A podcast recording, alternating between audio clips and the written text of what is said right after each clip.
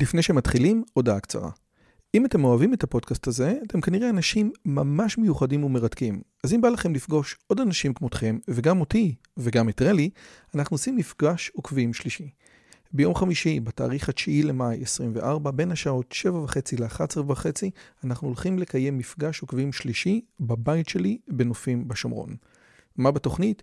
מינגלין וכיבוד עם עוד עוקבים מרתקים כמוכם, הרצאה שלי, דיון לגבי הערוץ, ציור בסטודיו ובסוף קומזיץ ופיתות על הסאג'. הרשמה מראש היא חובה וניתן לעשות את זה בקישור שבתיאור הערוץ או לחפש את הלינק ביוטיוב. נשמח מאוד מאוד לראות אתכם. ועכשיו, לשיחה.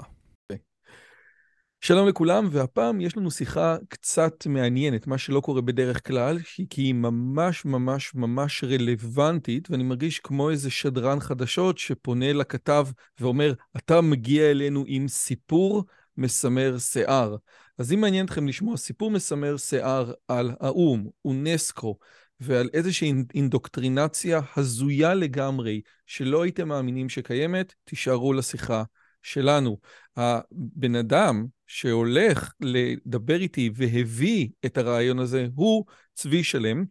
אני לא יודע אם אתם מכירים, אבל צבי שלם הוא גם מצד אחד חוקר ויש לו חברה שמתעסקת בלימודי מתמטיקה לנוער ותיכון, ומהצד השני... יותר יסודי או, וחטיבה. יסודי וחטיבה, סליחה, ומהצד השני הוא אה, אה, פילוסוף, ממש פילוסוף מטעם עצמו, יש לו המון המון המון אה, מאמרים יפהפיים שהוא כותב בעיקר באלכסון, בכלכל...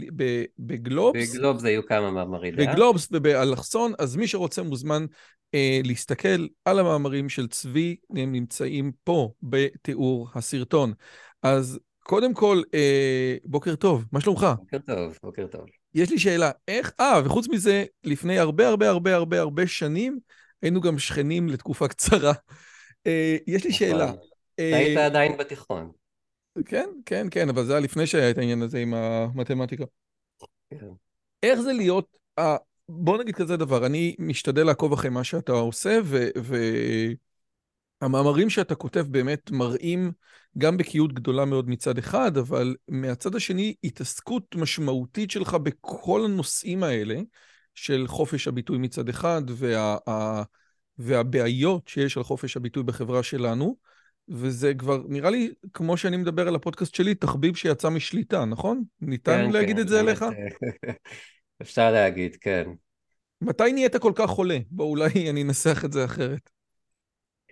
אמ, היה איזשהו אירוע פוליטי, פעם, פעם הייתי בלתי פוליטי בעליל, כלומר התפיסה שלי הייתה, יש דברים מורכבים שקורים איפשהו, פוליטיקאים מחליטים, אני לא יודע מה קורה מאחורי הקלעים, והיה נראה לי הגיוני להתעסק בדברים שאני יודע לעשות, ולהשאיר את העולם שיסתדר לו. היה איזשהו אירוע פוליטי לפני, כבר לא יודע, 15 שנה, משהו כזה, ראיתי סיקור בחדשות שהיה נראה לי לא תואם למציאות, אמרתי כאילו משהו לא בסדר בו, ואז התחלתי להיכנס לזה. אה, נסחפתי עמוק לנושא של תחום הכלכלה, אה, נגיד היה פודקאסט איקנטוק שמאוד עקבתי אחריו, קראתי מלא ספרים ומייסדים, פרידריך והייק, ו... בש... ואז ברובד הכלכלי עדיין אמרתי בוא נשאר ברובד הזה, מתחת הבנתי שיש אה, אמונות, אה, כל מיני דברים עמוקים יותר, אמרתי טוב בוא, בוא נשאר ברובד הכלכלי, באיזשהו שלב הבנתי שצריך לרדת יותר עמוק ו... ומאוד התעמקתי בפילוסופיה וסוציולוגיה ו... וקראתי כמות אה, באמת אה, מופרעת של ספרים, לא בדיוק קראתי, שמעתי אותם או מצאתי אותם ביוטיוב ואם לא העברתי לקובץ pdf ו-mp3 ושמעתי את זה ככה בנסיעות ושטיפת כלים ובערך ככה הגעתי למקום שבו אני נמצא. תקשיב, זה, אני חושב שלי זה קרה בכמה פעמים שיצא לי לקרוא באמת דברים בעיתון, וכל פעם שקראתי כתבה בעיתון על נושא שהבנתי בו, כל פעם, כל פעם, ללא יוצא מן הכלל, ראיתי שזה אה, לא נכון. כן, אז אמרתי, וואו, אם זה קורה כל הזאת. פעם, אם זה קורה כל פעם בתחומים שאני מבין, אז מה קורה? עכשיו, לפני שנגיע אולי יותר לפילוסופיה ופה, הכותרת אין לי דרך אחרת להגיד את זה, אבל הכותרת שאתה מביא זה מסמך של אונסקו, ואונסקו זה בעצם ארגון התרבות, ונכון? של האו"ם? אפשר להגיד כן, את זה ככה? תרבות, חינוך ומדע, זה המנדט שלו, נוסד אה, ממש ב-1947 כזה, ויש לו מנדט מאוד רחב. נכון, אנחנו יודעים הרי שהחמאס יורים טילים מבתי חולים של אונסקו. כן, זה, זה, זה, זה מה שאנחנו מכירים ב, ב, בהקשר הקטן שלנו, אבל אונסקו מפרסמים איזשהו מסמך של אג'נדה שמכילה כל מיני אספקטים לקראת 2030, נכון? ובאחד, כן. ה... והמסמך הזה הוא מסמך של אה, 200 עמוד, אגב, מי שרוצה, כן? ש... ש... שלא יחשוב שאנחנו מחרטטים, כן? אז מי נשלח שרוצה... אליו לינק. כן, הלינק נמצא פה. אה, הנה, זה האתר של אונסקו, זה בעצם האג'נדה שלהם. Knowledge Driven Actions, Transforming Higher Education for Global Sustainability. זאת אומרת, אנחנו צריכים לשנות, Transforming, כן, שזו מילה קשה, את ההשכלה הגבוהה, את ה-Higher Education, כדי שאנחנו נבין יותר טוב את הבעייתיות של קיימות, של סביבה. נכון? זה פחות או יותר העניין הזה. אה, זה המסר הפופולרי שמנסה לעבור פה, אבל יש פה יותר משמעויות ממה שנראה, שנוכל להגיע אליהם רק אה, בעצם בהמשך.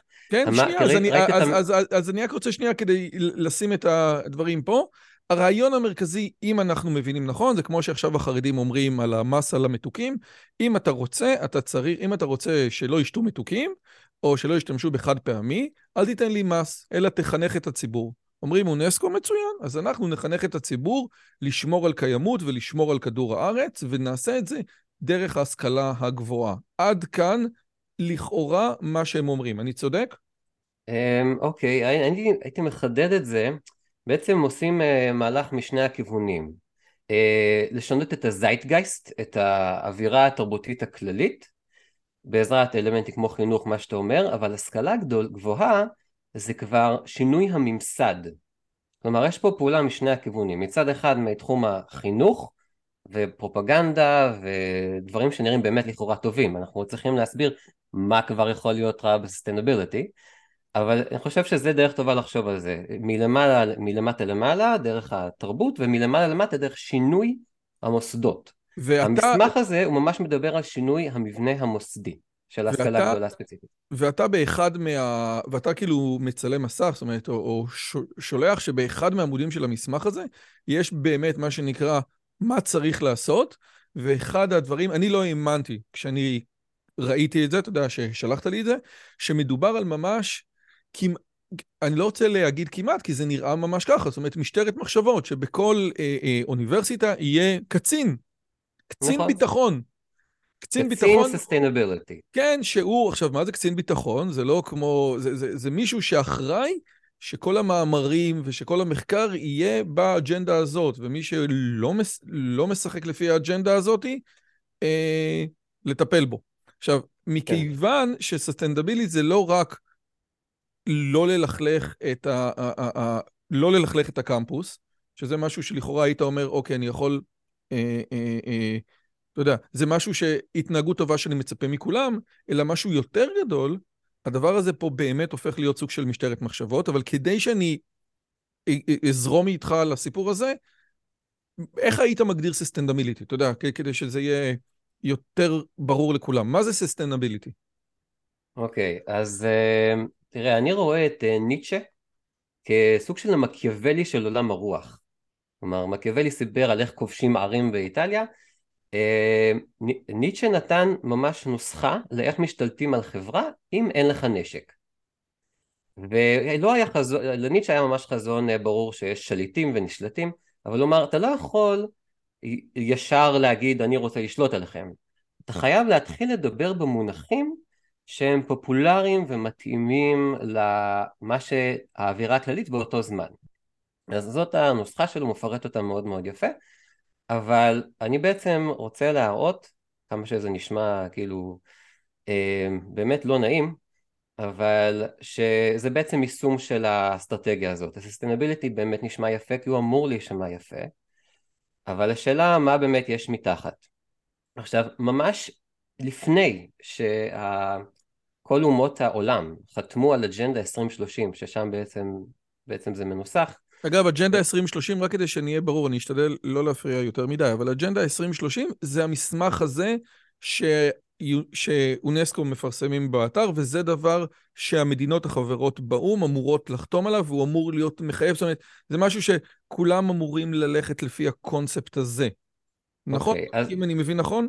אז כמעט, באלפ... האג'נדה 2030 נחתמה ב-2015, ומה שקרה השנה, 2022, זה שאונסקו בעצם הוסיף איזה מסמך יישומי של אותה אג'נדה שלכאורה קיימת. כלומר, כל הדברים האלה של קצין sustainability והגבלה מפורשת של מחקר, זה כאילו נכנס מתחת למערכת שכבר קיימת, ובעצם הוא אומר חתם, כל המדינות הסכימו הרי, נכון? אז מה, למה הם הסכימו? בעצם הם הסכימו לזה.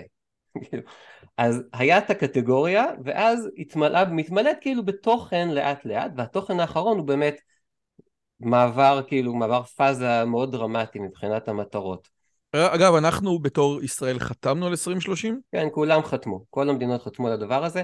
ערב לפני החתימה, כלומר ממש לפני החתימה, ה-International Council of Science, זה גוף מדעי בינלאומי, בחן את האג'נדה 2030. אג'נדה 2030 כוללת מה שנקרא Sustainable Development Goals, אה, מין מטרות, 17 מטרות עולמיות שהעולם צריך ללכת אליהן, שהן מאוד מאוד אספירטיביות, נגיד לך מה, אחת מהן זה מיגור העוני העולמי על כל תצורותיו עד 2030. כאילו, בעזרת השם, בעזרת השם. כן, דבר, אז, דבר... אז אתה רואה דבר כזה, אז אתה יכול להגיד, טוב, ברור שאף אחד לא באמת יכול לקחת את זה באמת ברצינות, כי אגב, בייחוד עם ההגדרה של עוני זה עשרה אחוז שמרוויחים הכי פחות, כן. כן, צודק. אגב, אם זה ההגדרה של העוני, אז, אז יש לך בעצם הצדקה לקומוניזם בעצם, כי עוני על כל תצורותיו, אם כל תצורותיו נקרא אה, אה, עוני יחסי, אז בעצם קראת לקומוניזם בעצם.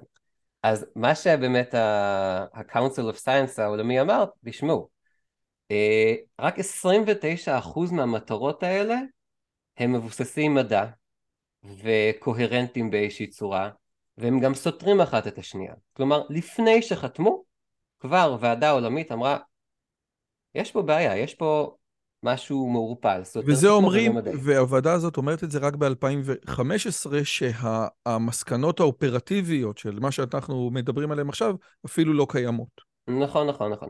זה ממש, ממש השיטה הזאת שניטשה תיאר, תיתן משהו שנשמע טוב, ואז תמלא אותו בתוכן אחר. יש, זה, יש, זה נקרא גם bait and switch, יש כזה מושג.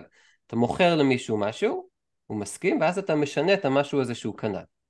אגב, זה גם אה, מה שנקרא ב product וב marketing, זה, זה, זה, אתה יודע, זה ש, שלא תחשוב שזה קשור רק לניטשה ומרקס, זה קיים... נכון, נכון, זה, ש, זה שיווק. זה, כן, זה נכון. קיים תמיד, כן, בוא, בוא נשים את כן. הדברים כן. בפרופורציה. אוקיי. עכשיו, שנייה, אני, עכשיו... אני, אני, אני חייב לשאול לפני זה, הרי, הרי, הרי לא, מישהו לקח לי פה. רגע, אתה בסדר? לא, הנה, הכל בסדר. אני חייב לשאול, איך אתה מגיע לדבר הזה? זאת אומרת, אה, אה, זה לא שישבת באינטרנט, אמרת, טוב, ניכנס לוואלה, ניכנס לוויינט, נראה סרט ביוטיוב, בוא נראה מה אונסקו עשתה חדש, נכון? כאילו, מה... אוקיי. איך הגעת לזה? נכון, יכול להיות שזה אגב השאלה הכי חשובה ששאלת, כי מאיפה באמת אני מגיע לדברים האלה. אז באמת, קודם כל יש באמת יש סקרנות uh, טבעית, אם אני שומע על ספר שנשמע לי חשוב ואני לא מכיר אותו, תוך שבועיים אני אכיר אותו. אבל יש עכשיו uh, בחור שקוראים לו ג'יימס לינזי, שהוא מבחינתי באמת מספר אחד בכל ה... בתחום הזה, uh, ספציפית ממנו שמעתי על המסמך הזה. הוא הגיע לדבר הזה, לה... הוא, בכלל, הוא, הוא דוקטור למתמטיקה, הוא בכלל הגיע לזה כשהוא הגיע למאמר שנקרא Feminist Glaciology, חקר קרחונים פמיניסטי. והוא קרא את זה ואמר, לא יכול להיות. לא, לזה הם קוראים, הם, הם כאילו רוצים לשנות לגמרי את המשמעות של המדע. עכשיו במקרה אותו מסמך אונסקו עכשיו, שעם עם, עם המשטרת uh, מחשבות, אז גם הוא מדבר, מתייחס לאותו, לאותו דבר. אז ג'יימס לינזי, למה אני אומר שזה חשוב? כי תעקבו אחרי ג'יימס לינזי, תעקבו אחריו ואני אוכל לעבוד הרבה פחות קשה. כי הוא באמת, הוא באמת מעמיק גם בתיאוריה וגם ביישום שלה בצורה, בצורה מדהימה, והוא באמת לא מספיק מוכר בארץ. אז או, הנה בבקשה, לאט לאט אתה רואה, אה, יש שכר לפעולתך, עוד משהו ועוד משהו. אבל איך איך אני אמור לקחת את השיחה הזאת מפה? האם אני אמור לבוא ולהגיד לך, תקשיב, אתה אומר שססטנדביליטי זה דבר טוב, ולכן זה הסיבה שאנחנו עושים, זה ה-bait and switch, זה הדרך שבה אנחנו מדברים לאנשים בתוך העולמות שלהם. ו... אבל מתחת יש לי איזושהי תיאוריית קונספירציה כזאת או אחרת שרוצה לקעקע את כל המדע, או שכמו שארגון הבריאות העול... או שארגון המדע העולמי אומר, חבר'ה תקשיבו, אם בואו נגדיר מה פירוש המילה sustainability, אם לצורך העניין מדובר על לא ללכלך את כדור הארץ ולנסות עד כמה שאנחנו יכולים להיות, אה, אה, אה, אה, אה, לא לזהם, זה דבר טוב. אם אתה אומר, תקשיב טוב, תמיד עדיף למחזר, זאת כנראה שאלה מדעית שאפשר לדעת, אולי לבדוק, האם, ה, האם תהליך הפקת האנרגיה במחזור עולה יותר מ... אה, כן. מ... זאת אומרת, אלה פה שני דברים, אבל אתה בא, אפילו לא נכנס לתוך העניין של אולי sustainability, זה כן טוב, זה לא טוב, אתה אומר, תקשיב טוב, יש פה חרטוט סתם אומרים לך sustainability, ומתחת רוצים משהו אחר לגמרי, כן. ונראה לי שמי שטוען טענה משמעותית כזאת, צריך לבוא עם אה, הוכחות משמעותיות, כן, נכון? כן, כאילו, אה, כן, extraordinary כן, claim demands extraordinary proof, לא? כן, יש מאוד מאוד מאוד extraordinary proof. Um, אני חושב שמה שהארגון המדע העולמי, כשהוא, כשהוא שם לב שהמטרות סותרות אחת, השני, אחת את השנייה. כלומר, זה אני יכול להסתמך עליהם, גם כל אחד יכול לראות שזה לא בדיוק מסתדר, אבל ארגון המדע העולמי שם לב לזה ש-29% מוגדרים. עכשיו, השאלה מה בדבר ה-71% העמומים האלה? אז גישה אחת שהיא מאוד מאוד נפוצה אומרת ככה, זה עמום, אם זה עמום זה... זה סוג של בולשיט, לא צריך להתעסק עם זה, אז בסדר, אז יהיה בולשיט, לא נורא, ניקח מתוך הבולשיט רעיונות טובים פה ושם, ויהיה בסדר, כאילו זה הרעיון, שבולשיט הוא לא אופרטיבי, אתה לא יכול לעשות קוד בולשיט ושיעשה משהו, אז בולשיט זה לא אופרטיבי, מה שלא אופרטיבי הוא נראה לא מסוכן. זה בעצם הטעות מאוד גדולה שנעשתה פה. כי המשמעות של, אה, כי ב-71% העמומים האלה, מה שאתה מקבל זה כוח פוליטי שרירותי. אתה בעצם אומר, אין לי בעיה שהדר מוכתר תגיד מה שהיא רוצה, אבל אם הדר מוכתר הופכת להיות שר האוצר עם סמכויות, זה כבר בעייתי. כן. כי בסופו כן, של כן. דבר, ה- ה- אם, אם לארגון הזה יש כוח, כוח פוליטי, כוח כלכלי, כדי לבוא ולהגיד, אני נותן גרנט, אני לא נותן גרנט, יש פה משהו בעייתי. כי זה כן. בעצם כן. בולשיט ש... ש, ש אה, כן.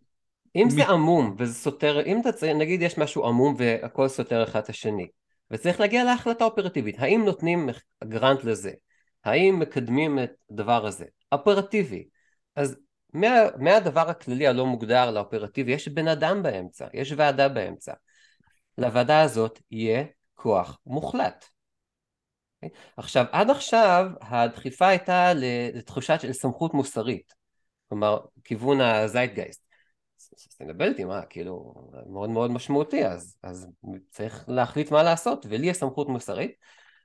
עכשיו זה, הדחיפה האחרונה היא ממש שינוי ממסדי של ממש. כלומר, אם הדבר הזה עובר, המשמעות היא שיש בן אדם, יש ועדה ספציפית, אגב, ועדה אה, סובייט, זה, זה ועדה, כלומר, זה המשמעות של המילה הזאת. אנחנו עוברים למשטר, literally, סובייט, ועדה מחליטה. מפרשת מה המשמעות של זה, כי אי אפשר לדעת מה המשמעות של זה. מצד אחד זה גם נורא, כאילו זה רעיון נורא אינטואיטיבי, אם יש לך מצע בחירות, אם אתה שם משהו מאוד מאוד מאוד מדויק ומוגדר, אז אתה בעצם מוגבל על ידי המצע שלך. אם אתה אומר משהו עמום, אז אתה פחות מוגבל, זה, זה לא דבר מאוד מורכב לתפוס. או שאתה במערכת הישראלית ואתה יכול לשים מה שאתה רוצה ולעשות מה שאתה רוצה, וזה הכי כיף, אתה מבין? כאילו, למה להיות מוגבל מהמצע, כן? כן. איזה דבר מוזר זה. בוא תגיד מצע אחד ותעשה משהו אחר, זה נפלא. כן. אז אותם המטרות האלה, Sustainable Development Goals, העניין זה שבכל סיטואציה הם יכולים להציג את עצמם כמשהו מאוד אחר. או מטרות אספירטיביות, אז אספירטיביות, אז נו, מי יתנגד למיגור העוני? כאילו, אתה רוצה עד 2030? טוב, יאללה, תנסה, סבבה. מצד שני, לפעמים זה פתאום מוצג כתוכנית חירום אופרטיבית שעכשיו חייבים לעשות. וחוץ מזה, כבר עכשיו יש אה, מוסד שמדרג אוניברסיטאות לפי התאמתם ל-SDG. עכשיו אם משהו, אתה כבר יודע שהוא עמום ומכיל סתירות, הוא לא יכול להוות סטנדרט. בהגדרה, כי הוא עמום, כאילו, זה, זה כל הפואנטה של סטנדרט שזה לא עמום, וכבר יש סטנדרט עולמי שמדרג אוניברסיטאות, אוניברסיטאות, לפי ה-Sustainable Development Goals, ועכשיו נגיד יש אוניברסיטאות בעולם, כולל בארץ, אוניברסיטת חיפה, מאוד מתגאה בהתקדמות שלה בסטנדרטים האלה. רגע, ו... שנייה, אבל מה, מה, אני, אני עוד פעם, סליחה, מה אותו מדד שמדרג? זה לא כמו דירוג שנגחאי של כמה מאמרים פרסמת, כן? זה דירוג, מה הדירוג הזה אומר? אתה כאילו לא, עוד לא אמרת, עוד לא אמרת לי את ה... עוד לא שמת לי את הפצצה. תקשיב טוב, הדירוג הזה, ככה הורייזן, אתה יודע, ככה האיחוד האירופי נותן קרנות.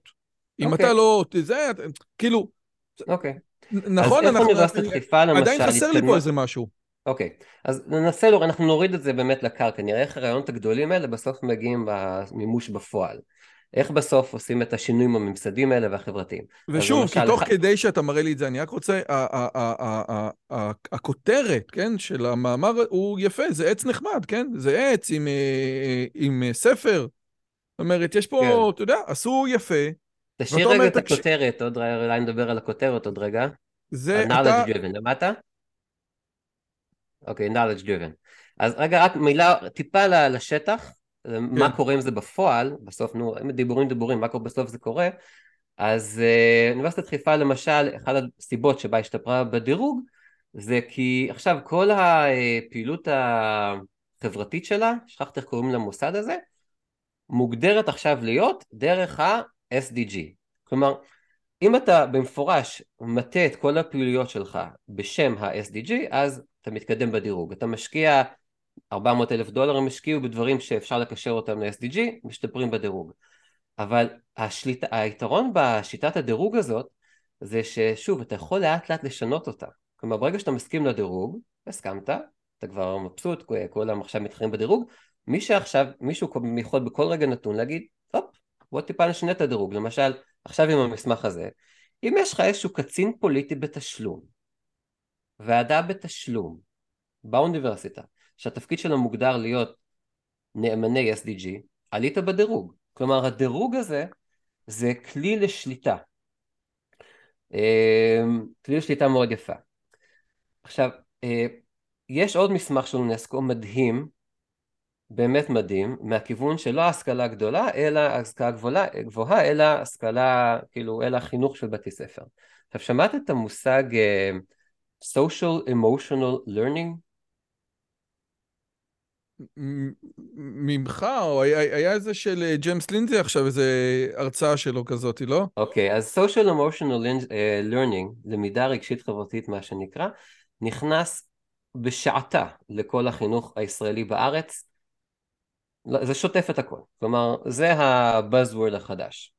אני הולך עכשיו אלמנטים... למשרד החינוך, אני הולך עכשיו למשרד החינוך, למטה, ואני אומר social emotional learning, וכולם עושים לי עכשיו, כן, זה חשוב.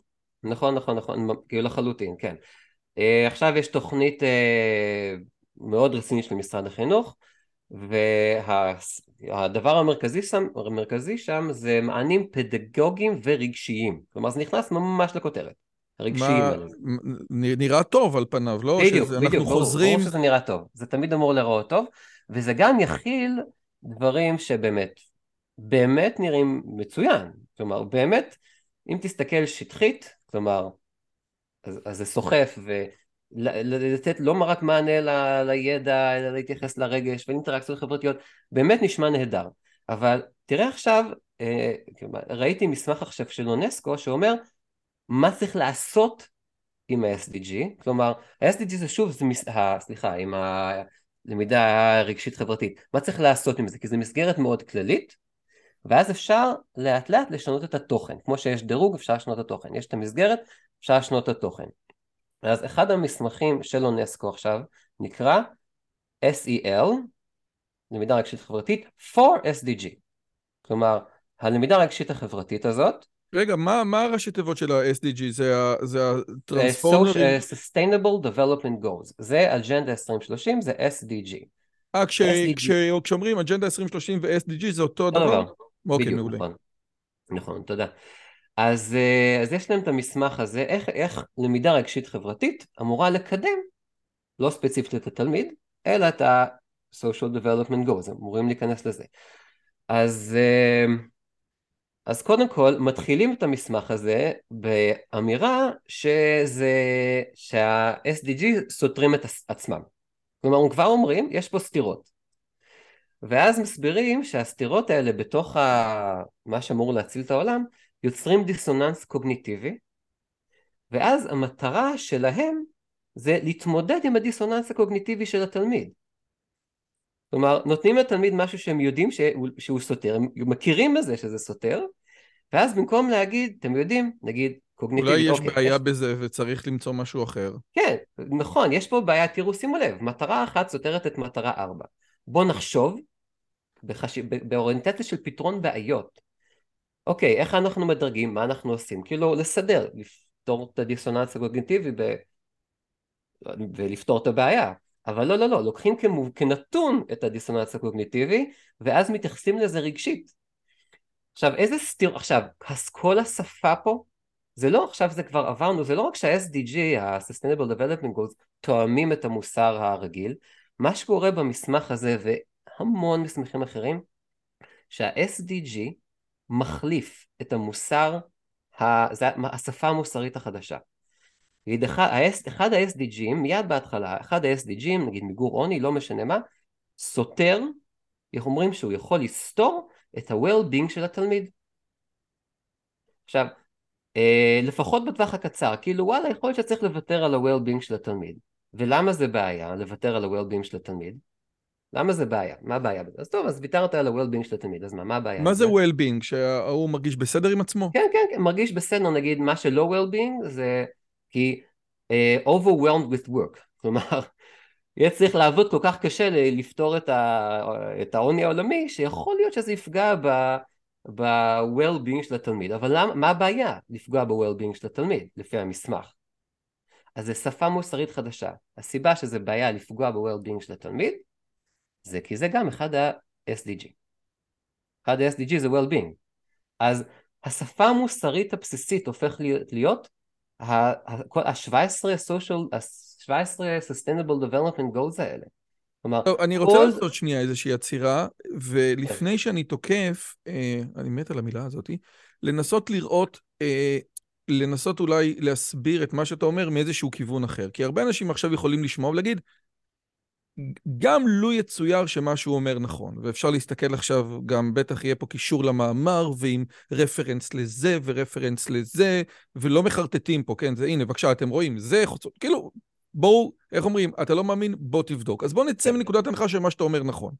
כן. אומר הבן אדם הרגיל, קשה לי להאמין שזה, אני מכיר את משרד החינוך הישראלי, כן? כאילו, הוא לא, הוא לא, יש מילה נחמדה, שר חינוך חדש, יופי, נו, אז איפה, יש פה איזשהו רעיון מאוד גדול, שאני קשה לי לראות שהמורה נחמה בכיתה עם 30 תלמידים אה, נכנסת אליו, היא לא קראה את המסמכים האלה, וקשה לי להאמין שיש יותר משלושה אנשים בפיקוח שקראו אותם. אבל, ופה אני אנסה, אה, לפני שאני מביא את הצד השני, לבוא ולהגיד משהו כזה. הרב שטיינזלץ אמר שיש מסמך מ-1920 של הסתדרות המורים, שהמטרה של ההסתדרות זה לגדל פה דור, של, דור לא אינטלקטואלי, לא משכיל. והוא אומר, זה מסמך חתום שהוא ראה אותו, אה, אה, הוא ראה אותו בעצמו. אגב, השיחה מופיעה בריאיון שלו עם אלעזר שטורם, הוא אומר את זה, כן? זה לא שאני מחרטט. ועכשיו, הם נורא הצליחו. הרב שטיינץ אומר, הם באמת הצליחו, הם רצו, אתה יודע, לי, לי, לייצר פה את הישראלי הדוגרי החדש, לא האינטלקטואל שלא יודע לעשות שום דבר מאירופה. עכשיו, רוב, אין אף מורה בהסתדרות המורים היום שמכיר את המסמך הזה, אין אף מורה שחותם על המסמך הזה, זה ודאי לגמרי. אבל, הוא אומר, מכיוון שהדבר הזה הוזרק למערכת בהתחלה שלה, כן? וטוב אחרי דבר מראשיתו, כי איך שהדבר מתחיל, ככה הוא מתפתח, אז אתה לא צריך באמת להכיר את המסמך המייסד הזה, גם בהסתדרות המורים של 2023.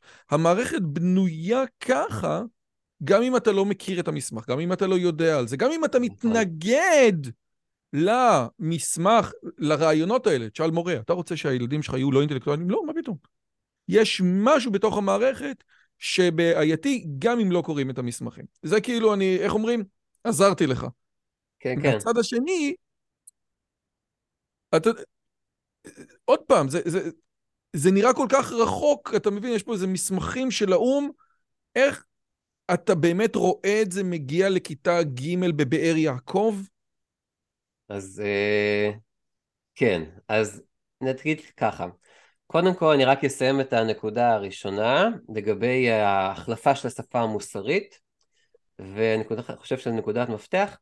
התלמיד כבר, כבר לא מכנים אותו בשם סטודנט, קוראים לו development agent. כן, התל... כאילו הפונקציה של התלמיד זה להיות development agent. עכשיו זה באמת כמו שאתה אומר ברמות הכי גבוהות ומופשטות ואף אחד לא מכיר טה טה טה טה טה טה אבל זה של אונסקו. שמה התפקיד של אונסקו זה לקד... להנחות למה נתנו נותנים חצי מיליארד מעל חצי מיליארד דולר בשנה לארגון? להנחות את ההתפתחות התרבותית, חינוכית ומדעית בעולם. כלומר, אנחנו מניחים שהחצי מיליארד דולר האלה בשנה עושים משהו, אחרת לא היינו מממנים את זה. והדברים האלה, באמת, זה באמת נקודה מעניינת, איך הדברים האלה מחלחלים. אבל תראה, גם בדת יש לנו, יש, יש את התיאולוגים הגדולים, ויש את, ה, את הרבנים, ויש, ובסוף יש קהילה, כלומר, והדברים האלה איכשהו מחוברים, כלומר מישהו, כאילו גם בהקשר דתי, הוא דתי אבל הוא לא מכיר את כל, את כל הרזים של כל דבר, יש פה איזושהי היררכיה, אבל הדברים כן באמת מחלחלים, ולכן אנחנו יודעים להגיד, זו תפיסת מציאות מסוימת. כלומר אני, אני שייך לתפיסת מציאות למרות שאני לא מכיר את כל כתבי היסוד. רוב מי שמזדהה כמרק, כ, כ, כמרקסיסט למשל, הנה, הנה, אמרת לא אמרת קרא את, את מרקס, מן הסתם. אפילו פרידריך חייק, פרידריך חייק אנחנו, אנחנו, מכירים ואוהבים אותו באיזשהו מובן, אה, אז נגיד פרידריך חייק עצמו היה לו ספר שמאוד מאוד הצליח. אה, ועכשיו אני אשכח, שכחתי שמו. על המדע. אה, The Road to Surfdom. בהוצאה השנייה שלו. הדרך, הדרך לשיעבוד. כן. בהקדמה להדפסה השנייה השלישית, הוא אומר, אני שמתי לב שהמתנגדים לספר לא קראו אותו. אבל אני רואה שגם התומכים בספר לא קראו אותו. כאילו אין לו בעיה להגיד את זה, הוא אומר, כאילו מנפנפים בספר, מנפנפים בספר, לא באמת קראו אותו. הדברים איכשהו מחלחלים. עכשיו ראינו דוגמה לזה במקרה השבוע. Uh, הכנס הזה, המסמך הזה של אונסקו שמדבר על קצינים פוליטיים באקדמיה, uh, הוצג בכנס בברצלונה לפני חצי שנה.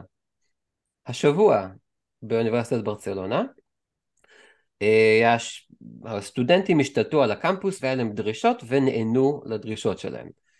אה, והדרישה היא ש-14 אלף הסטודנטים ו-6,000 מה... של אנשי פקולטה עכשיו יצטרכו ללכת לקורסים.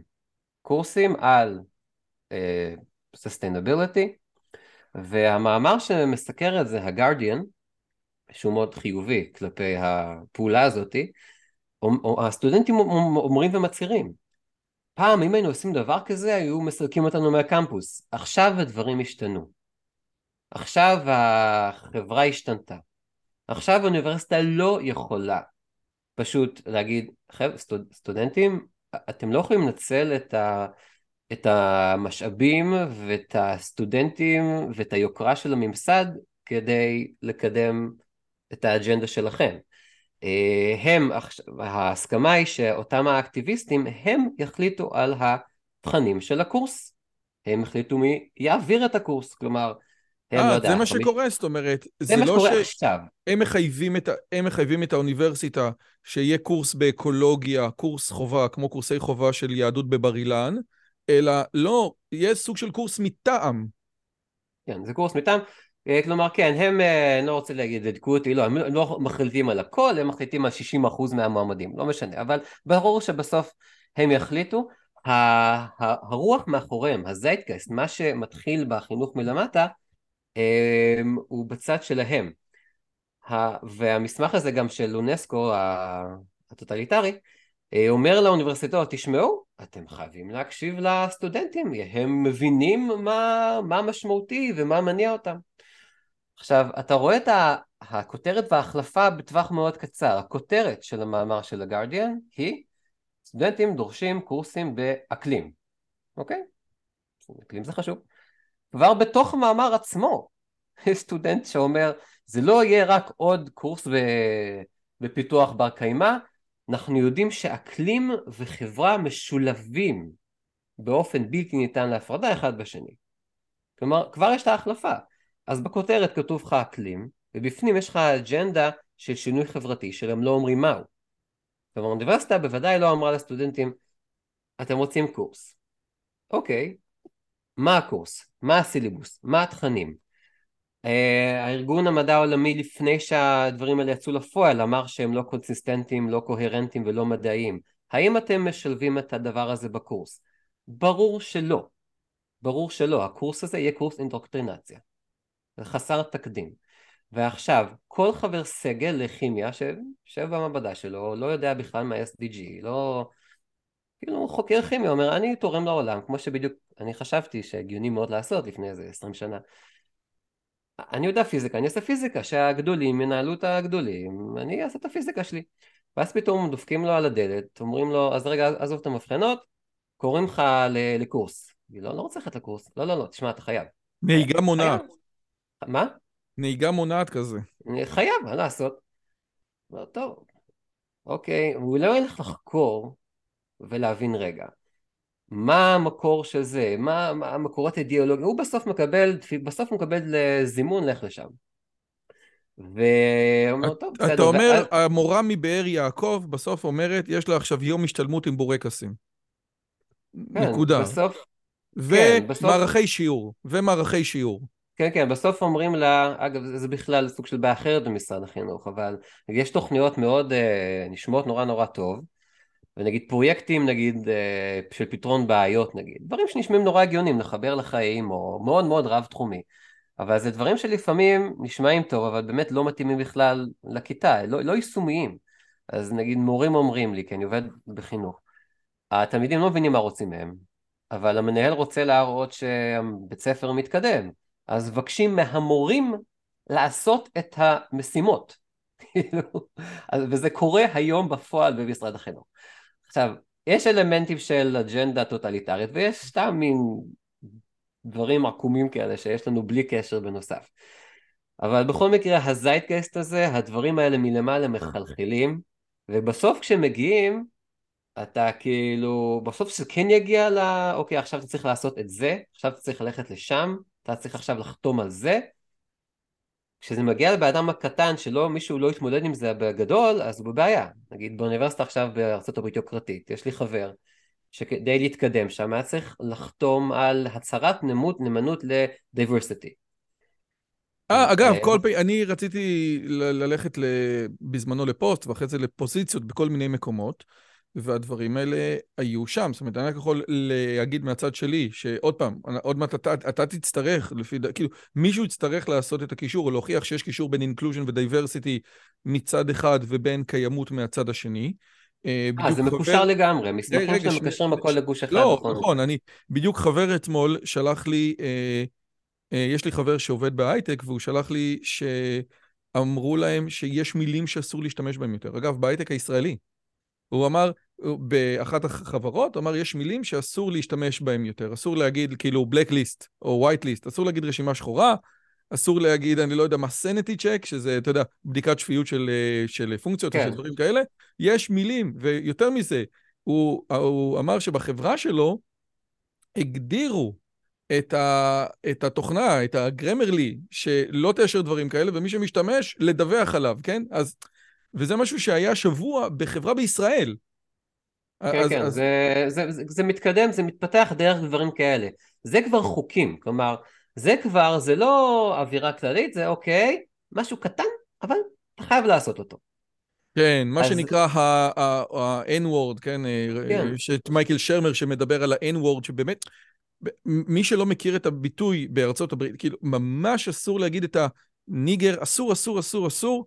נכון. גם, גם, גם דייב שאפל שעושה עכשיו, אתה יודע, את זה על היהודים, רק להגיד, והוא אמר נורא נורא נורא מצחיק, כן? הוא באמת עשה נורא מצחיק, אבל יש פשוט דברים שאסור להגיד. לגבי inclusion ו diversity, בכל מקום אתה חייב לייצר הצהרת inclusion ו diversity. נכון. הדבר הזה מגיע לדברים מוזרים. יש כן. כנסים עכשיו על Blacks in AI.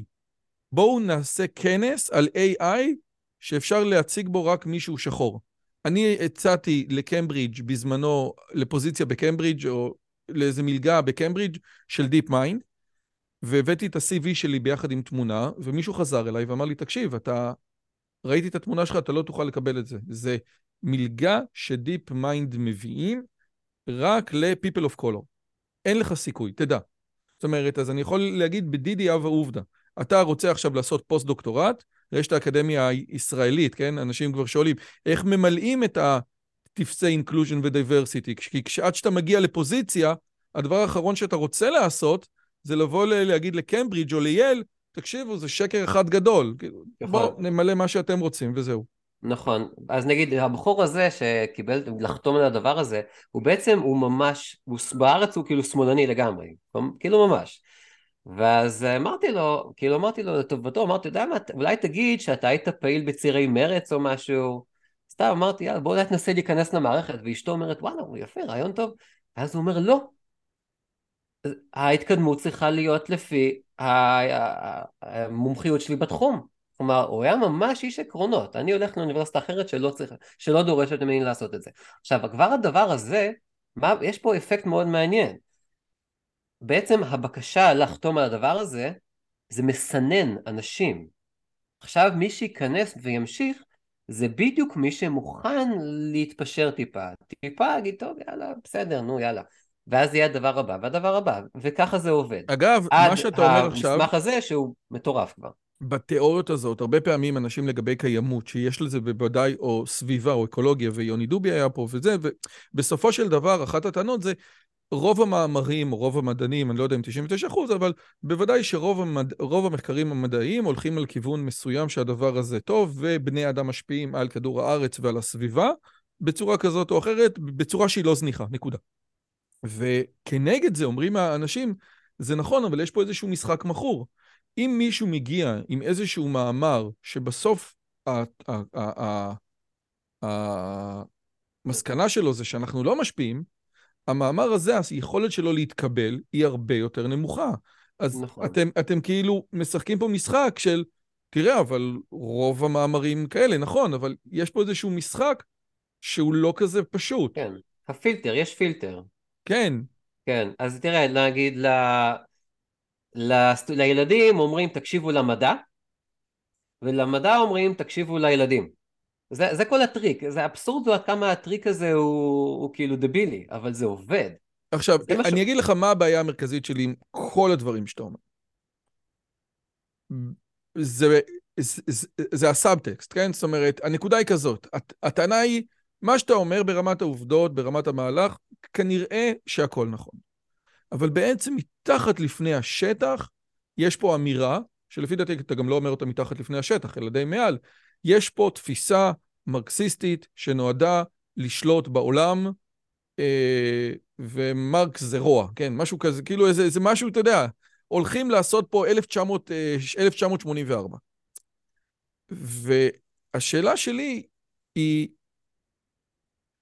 זה כאילו, אני לא רואה אנשים רעים. יותר מדי בעולם. אתה יודע, הרבה אנשים, אתה יודע, יש לי, יש לנו חבר משותף שדיברתי, שאנחנו מכירים, אורי קולפ, שאני מתייעץ איתו הרבה, זה, המרקסיזם זה רוע גמור, זה שנאת האדם, אתה יודע. ברור לגמרי שמי שמגדיר את עצמו מרקסיסט הוא לא שונא אדם. רוב האנשים, כן? אתה יודע, ברור לגמרי, אתה יודע, שאין, כאילו, קשה לי להאמין שהדבר, שמה שרוצים לעשות אותם אלה שחתומים, זה לפרק את החברה, זה שיהיה פה כאוס מוחלט, זה, זה, זה שיהיה פה ארמגדון.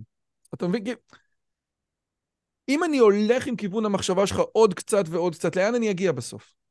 אוקיי, okay, טוב. אז הזכרנו את המילה מרקסיזם, שדווקא רציתי, חש... לא הייתי בטוח שאם כדאי להיכנס לזה עכשיו או לא. הבעיה במילה הזאת... אז אתה יודע מה, אל תיכנס לזה, בסדר. מה אתה רוצה... לא, בסדר, אבל אני, אני אגיד על זה מילה. הבעיה במילה הזאת, שזה אומר דברים שונים מאוד לאנשים שונים. כלומר, רוב האנשים למשל מקשרים את מרקס לתחום הכלכלי. נכון. רוב הגדול. ואני קראתי את כתבי מרקס המקוריים אה, מלפני ה... לפני המניפסט הקומוניסטי 1883-84 ואתה רואה תפיסה מאוד מאוד מאוד הוליסטית כללית. יש לו תוכנית אב שהיא לא מדברת על, אה, על בורגנים ופרוליטריון הרבה יותר כללי.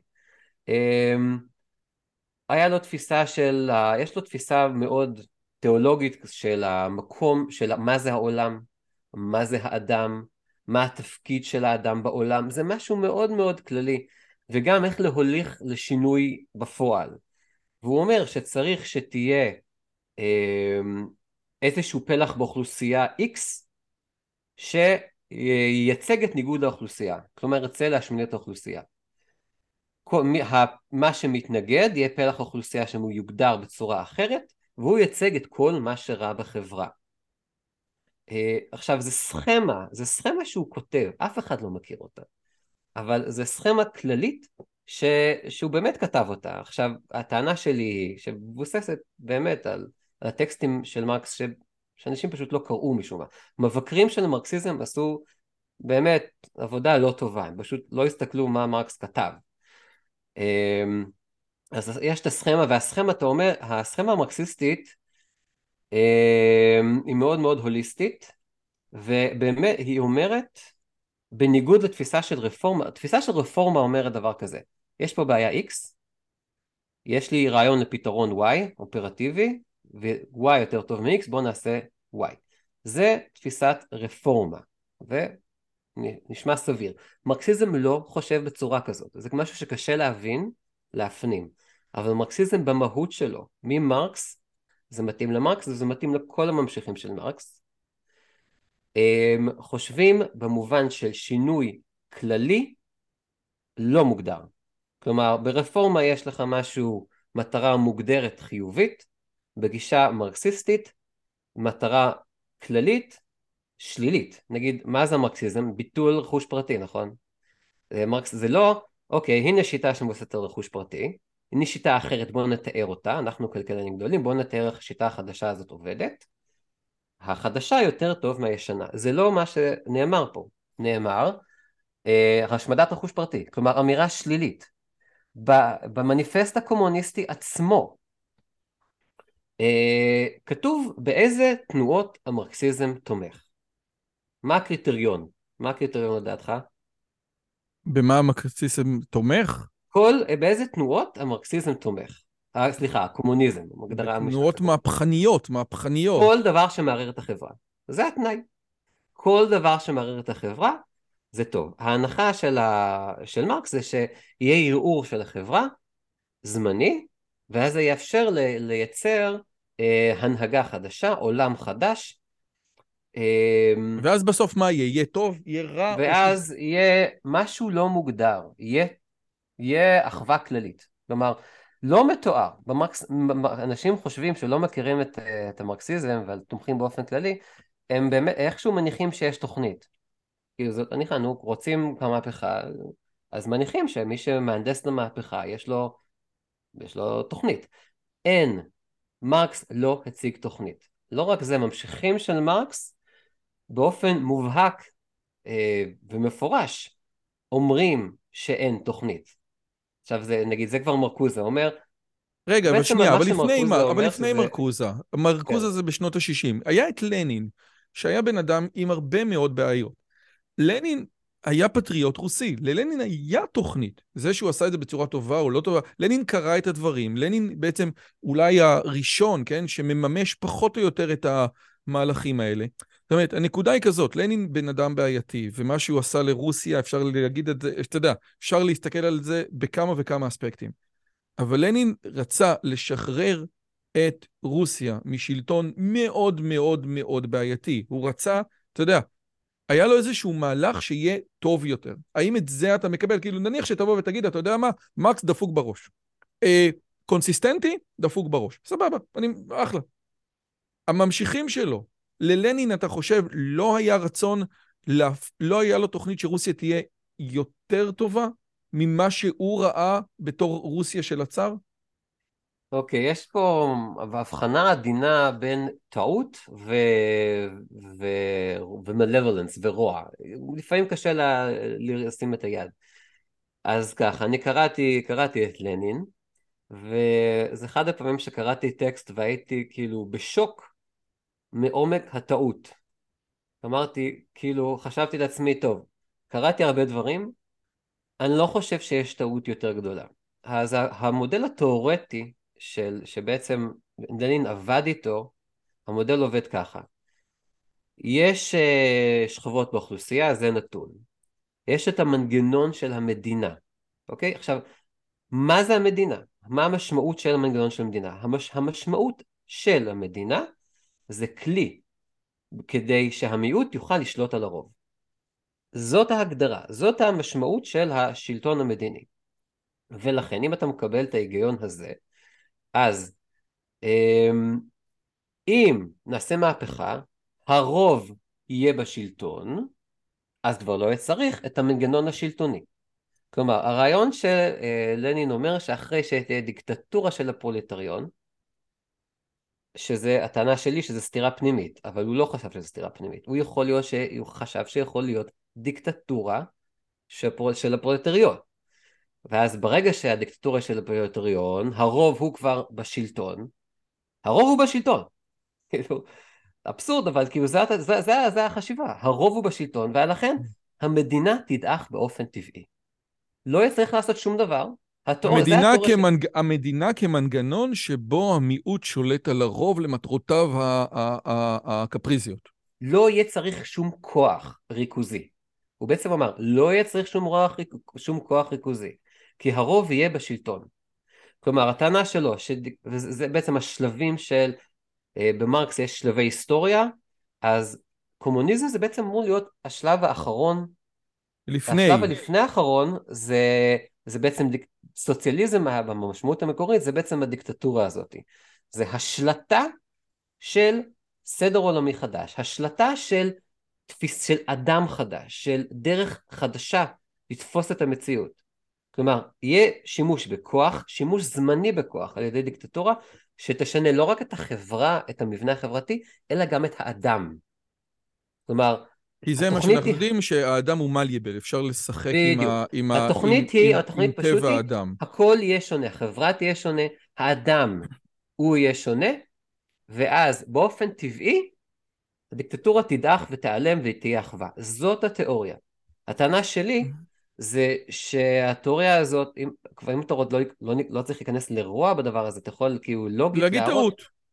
שיש פה מודל תיאורטי אה, שגוי ביסוד שלו. א', שגוי ביסוד, ודבר שני, גם, הוא כאילו שגוי אפריורית נניח, וגם אם הוא לא שגוי אפריורית, המאה ה-20 הוכיחה שהוא דה פקטו לא עובד, אבל החילוק הזה בין רוע לבין טעות הוא חילוק מעניין.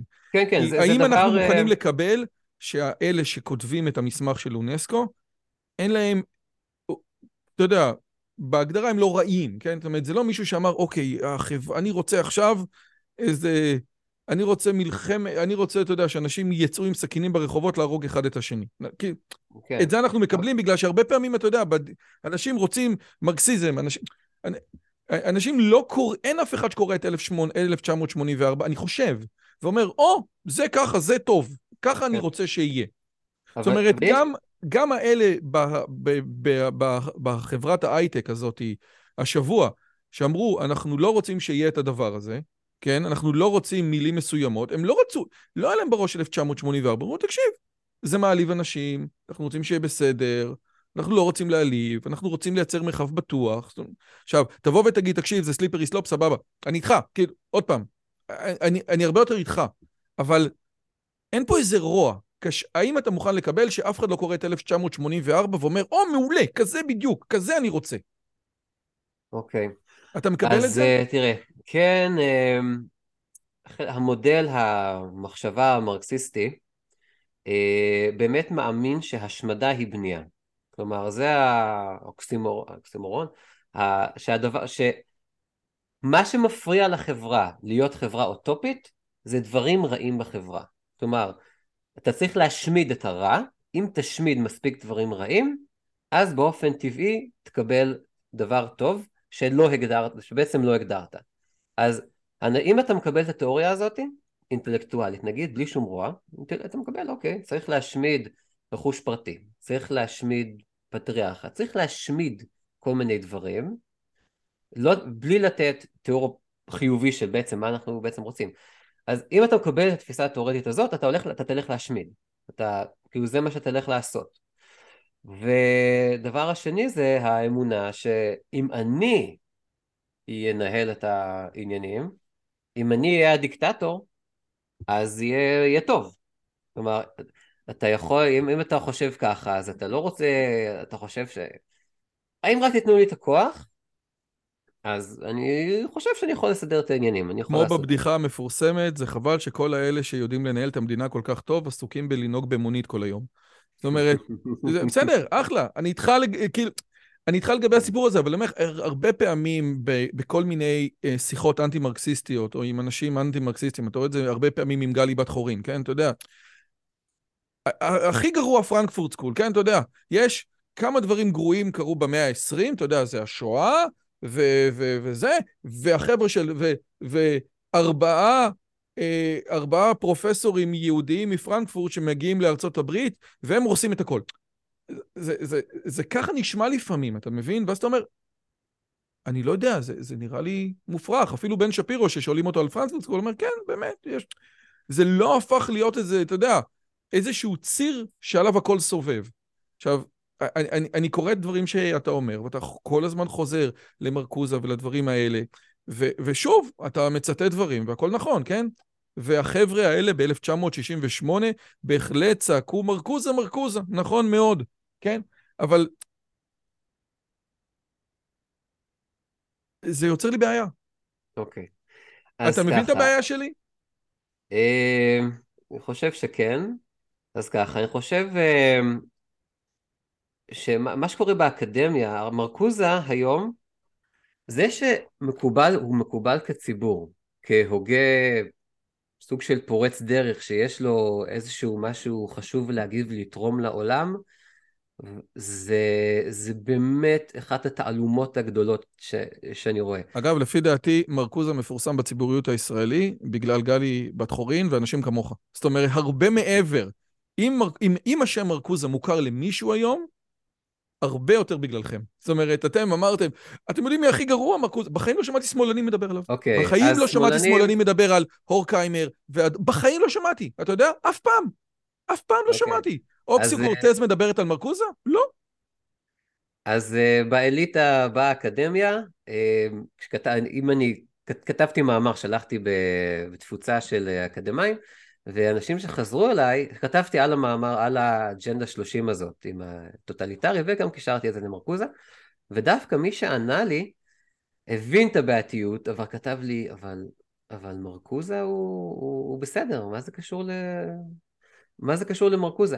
מרקוזה כן נחשב כמי ש... שהוא כן קצת עמוק במרקסיזם, כן מכיר את מרקוזה, והאנשים האלה שהם קצת עמוק, קצת, קצת בתוך העניינים האלה, ואתה אומר, אבל הם אנשים טובים בסך הכל, אמ, איכשהו הצליחו לא לראות מה הוא אומר, שזה באמת דבר מדהים בעיניי. כלומר, אם, אם נאמר, שאלה איפה עוצרים, אם יש איזה משהו, תפיסות בעייתיות, איפה אפשר לעצור אותם? אז כשדופקים על הדלת של הכימאי שחוקר מעמדם ואומרים לו בוא, לה, בוא לסדנה הזאת של האקטיביסטים, זה כנראה לא המקום שבו תהיה איזושהי התנגדות, כי הוא יגיד, כאילו זה בן אדם אחד, תלשו אותו לתוך איזה תפיסת עולם שלמה. מה שחשוב זה באמת התפיסת העולם השלמה הזאת. ומרקוזה הוא דווקא כן דמות משמעותית מבחינת המסמך הזה, שמדבר על שלטון טוטליטרי. אגב, המסמך הזה שאומר שצריך שיהיה משטור מחשבות באוניברסיטה, הוא ממשיך ואומר, שזה כאילו תבדקו, זה מה שזה אומר. הוא רוצה לא רק לשנות את המבנה הפנימי של האוניברסיטה, של המוסדות להשכלה גבוהה, הוא רוצה שהמוסדות להשכלה גבוהה יהיה להם תפקיד שונה לגמרי בחברה. הוא רוצה שהם ינהלו את הממשל, השוק הפרטי, כל המוסדות האזרחיים והחינוך. חינוך זה קריטי, משהו שמקדם את עצמו. כלומר, בעצם מתואר פה סכמה טוטליטרית של בשם ה-Sustainable Development Goals שמההתחלה ידענו שהם 71% לא קוהרנטיים הם צריכים לנהל את המוסדות להשכלה גבוהה. ומוסדות להשכלה גבוהה צריכות, צריכים, אה, מצליחות לנהל את שאר החברה. עכשיו בתחילת המסמך הם אומרים המטרה שלנו היא לקדם את החזון של הרברט מרקוזה. הם כותבים את זה. הוא לא הצליח מספיק, אנחנו צריכים. אז צריך להבין מה מרקוזה אומר. המסמך הזה שבו השתלט על העולם של אונסקו, מקושר ישירות על ידי המסמך עצמו למרקוזה. אנשים לא מצליחים לקרוא אותו. אגב, הנה, ב-1964, Inspiring זה 1968 נכון. Student Revolt, Herbert Marcuse wrote a key text against one-dimensional man, ar- arguing universities and campuses around the world to become places that כן. resist reductionism. אוקיי? כן. אגב, בהקשר הזה, אה, אנדרו ברייטברט, שאני כל כך אוהב, זה הבוס הראשון של בן שפירו, שכתב את הספר Righteous Indignation, מדבר על מרקוזה, ואומר, אה, מרקוזה באמת לא מובן, והוא קשה מאוד, הוא הוגה מאוד מאוד קשה לקריאה, אבל הוא אומר, היה לו בן אדם, אם מרקוזה היה ישו, אז היה לו את, ה, אז היה לו את השליח שלו עלי אדמות, סול אולינסקי, או שאול אולינסקי. שאול אולינסקי כתב ספר שלקח את מה שאומר מרקוזה ברמה מאוד פילוסופית, ותרגם אותו לפרקטיקות. ולספר שלו הוא, הוא קרא Rules for Radicals, איך אני עושה מהפכים בחברה, מה אני צריך לעשות? אחד, שתיים, שלוש, ארבע, ספר קטן ומשמעותי מאוד. הילרי קלינטון, את עבודת התזה שלה, עשתה על שאול אולינסקי, על סול אולינסקי. אז אומר, אז הנה, זה עוד פעם דוגמה למישהו שמדבר בפילוסופיה מאוד מאוד לא מובנת, מאוד לא ברורה, קשה לקרוא אותו עד בלתי אפשרי, אבל אתה צריך שיהיה לו מישהו אחד שקורא אותו ומתרגם את זה לפרקטיקה, ואז הדברים האלה משמעותיים. ואם, כן. ואם מישהו אחד בממשל, זה, זה כמו תאצ'ר, כן? מרגרט תאצ'ר עם, עם, עם, עם הספר של אה, חוקת החירות. אם תאצ'ר חושבת שחוקת החירות זה דבר משמעותי, ותאצ'ר מנהלת מדיניות כלכלית של מדינה, אז הספר הזה הופך להיות ספר כן. מאוד מאוד חשוב. בסוף רעיונות הם משמעותיים. וזה הבעיה כאן, אני חושב שיש פה מין קרב לא מאוזן בין אנשים עם תפיסות מאוד מאוד כלליות, נגיד קרא לזה תפיסה הוליסטית, ובין אנשים כמוני וכמוך שבאופן טבעי, אני חושב הם יותר דיסציפלינריים. כלומר, יש בעיה בוא נפתור אותה, בעיה בוא נפתור אותה. וכשמישהו מתפיסה כזאת דיסציפלינרית שחושב אוקיי, אוקיי, או פתרון בעיות, תכלס, אוקיי, מה בסוף קורה? אז הוא יכול לראות רעיונות כאלה של מרקוזה, שאתה אומר שקשה להבין, ולהגיד, טוב, בסדר, בולשיט. כלומר, הנחה שגויה באופן מסוכן, שרעיונות, אם קשה להבין אותם, הם לא משמעותיים. הגל קשה להבין אותו, הוא היה משמעותי. Uh, כדאי להזכיר פה גם נראה לי את uh, פאולו פריארה, שכותב מאוד מופשט, אה, לא, לא, לא תמיד אבל, אבל היה, לו, אבל היה לו באמת גם את הבחור שהכניס את פאולו פררה לתוך מערכת החינוך האמריקאית, קראו לו הנרי ז'רו, ב-1985 כבר, צריך לדבר עליו בנפרד כי זה טירוף בפני עצמו, אבל נגיד הרברט מרקוזה, הוא מקור של רעיונות, הוא בעצם עשה סוג של חידוש וטרנספורמציה של המרקסיזם. ו... המקור זה שם, בסוף חייבים להתמודד עם הרעיונות במקור. איך, מי איך יעשה אתם, את זה? איך אתם לא הצלחתם? אני אומר אתם, אבל אני חושב שאני חלק מתוך הסיפור הזה, להביא מישהו בסדר גודל כזה. אתה מבין? אם אני חושב, אני אגיד, אוקיי, ג'ורדן פיטרסון, כן? אבל הוא, אתה יודע, זה רק בשנתיים האחרונות, וזה, אתה יודע, וזה רק עם הרבה מאוד דברים. איך יכול להיות שעם כל מה שאתה אומר, שמבחינה לוגית נשמע, אתה יודע, סבבה לגמרי, ואתה יודע, אם 20, ו- רק 29 אחוז, אם 29 אחוז, אה, בס- כאילו, מה עם ה-71 אחוז? זאת אומרת, אתה נותן פה טענות שלכאורה הן טענות שהיו מנצחות debate. כן, כן. ואתה לא נמצא, אתה נמצא עכשיו בבית שלך איפה שאתה נמצא, ולא נמצא על המסמך של אונסקו. זאת אומרת, איך יכול להיות שהצד המתנגד, שאתה רואה, ב, רואה בעצמך אחד מהחיילים שלו, לא הצליח? אה, הייתה, אני חושב שהתפיסה היותר של פתרון בעיות, אה, של, אה, של תכלס, של, של פספסה את ה... כאילו פינתה את, ה, את לוח המשחק, ל, את, התפ, את התפיסת עולם כללית, בסוף, בסוף תהיה תפיסת עולם כללית, תהיה איזה, יהיה משהו שם. ואם מפנים, אם מפנים את המרחב הזה, משהו ייכנס. אז... אמ, ולימין ככלל יותר קשה לייצר תפיסת עולם כללית מאז אה, מלחמת העולם השנייה? אמ, הימין זה גם מושג אה, מאוד כללי. לא, אני, אני כאילו, הרי אתה יודע, אפשר, למה יש תפיסת עולם כללית כזאת ותפיסת עולם כללית כזאת, כאילו, איך יכול, בסדר, אין תפיסת עולם כללית. את, את, אתה אומר לא היה תפיסת עולם כללית ולכן הדבר, אנשים, אנשים שפותרים בעיות אין להם תפיסת עולם כללית או קשה להם לייצר תפיסת עולם כללית, לא כמו שפעם מישהו אמר כן. על יובל נוח הררי, שהוא, השאלות שהוא שאל היו כל כך גדולות וכל כך על כל כך הרבה דברים, ש...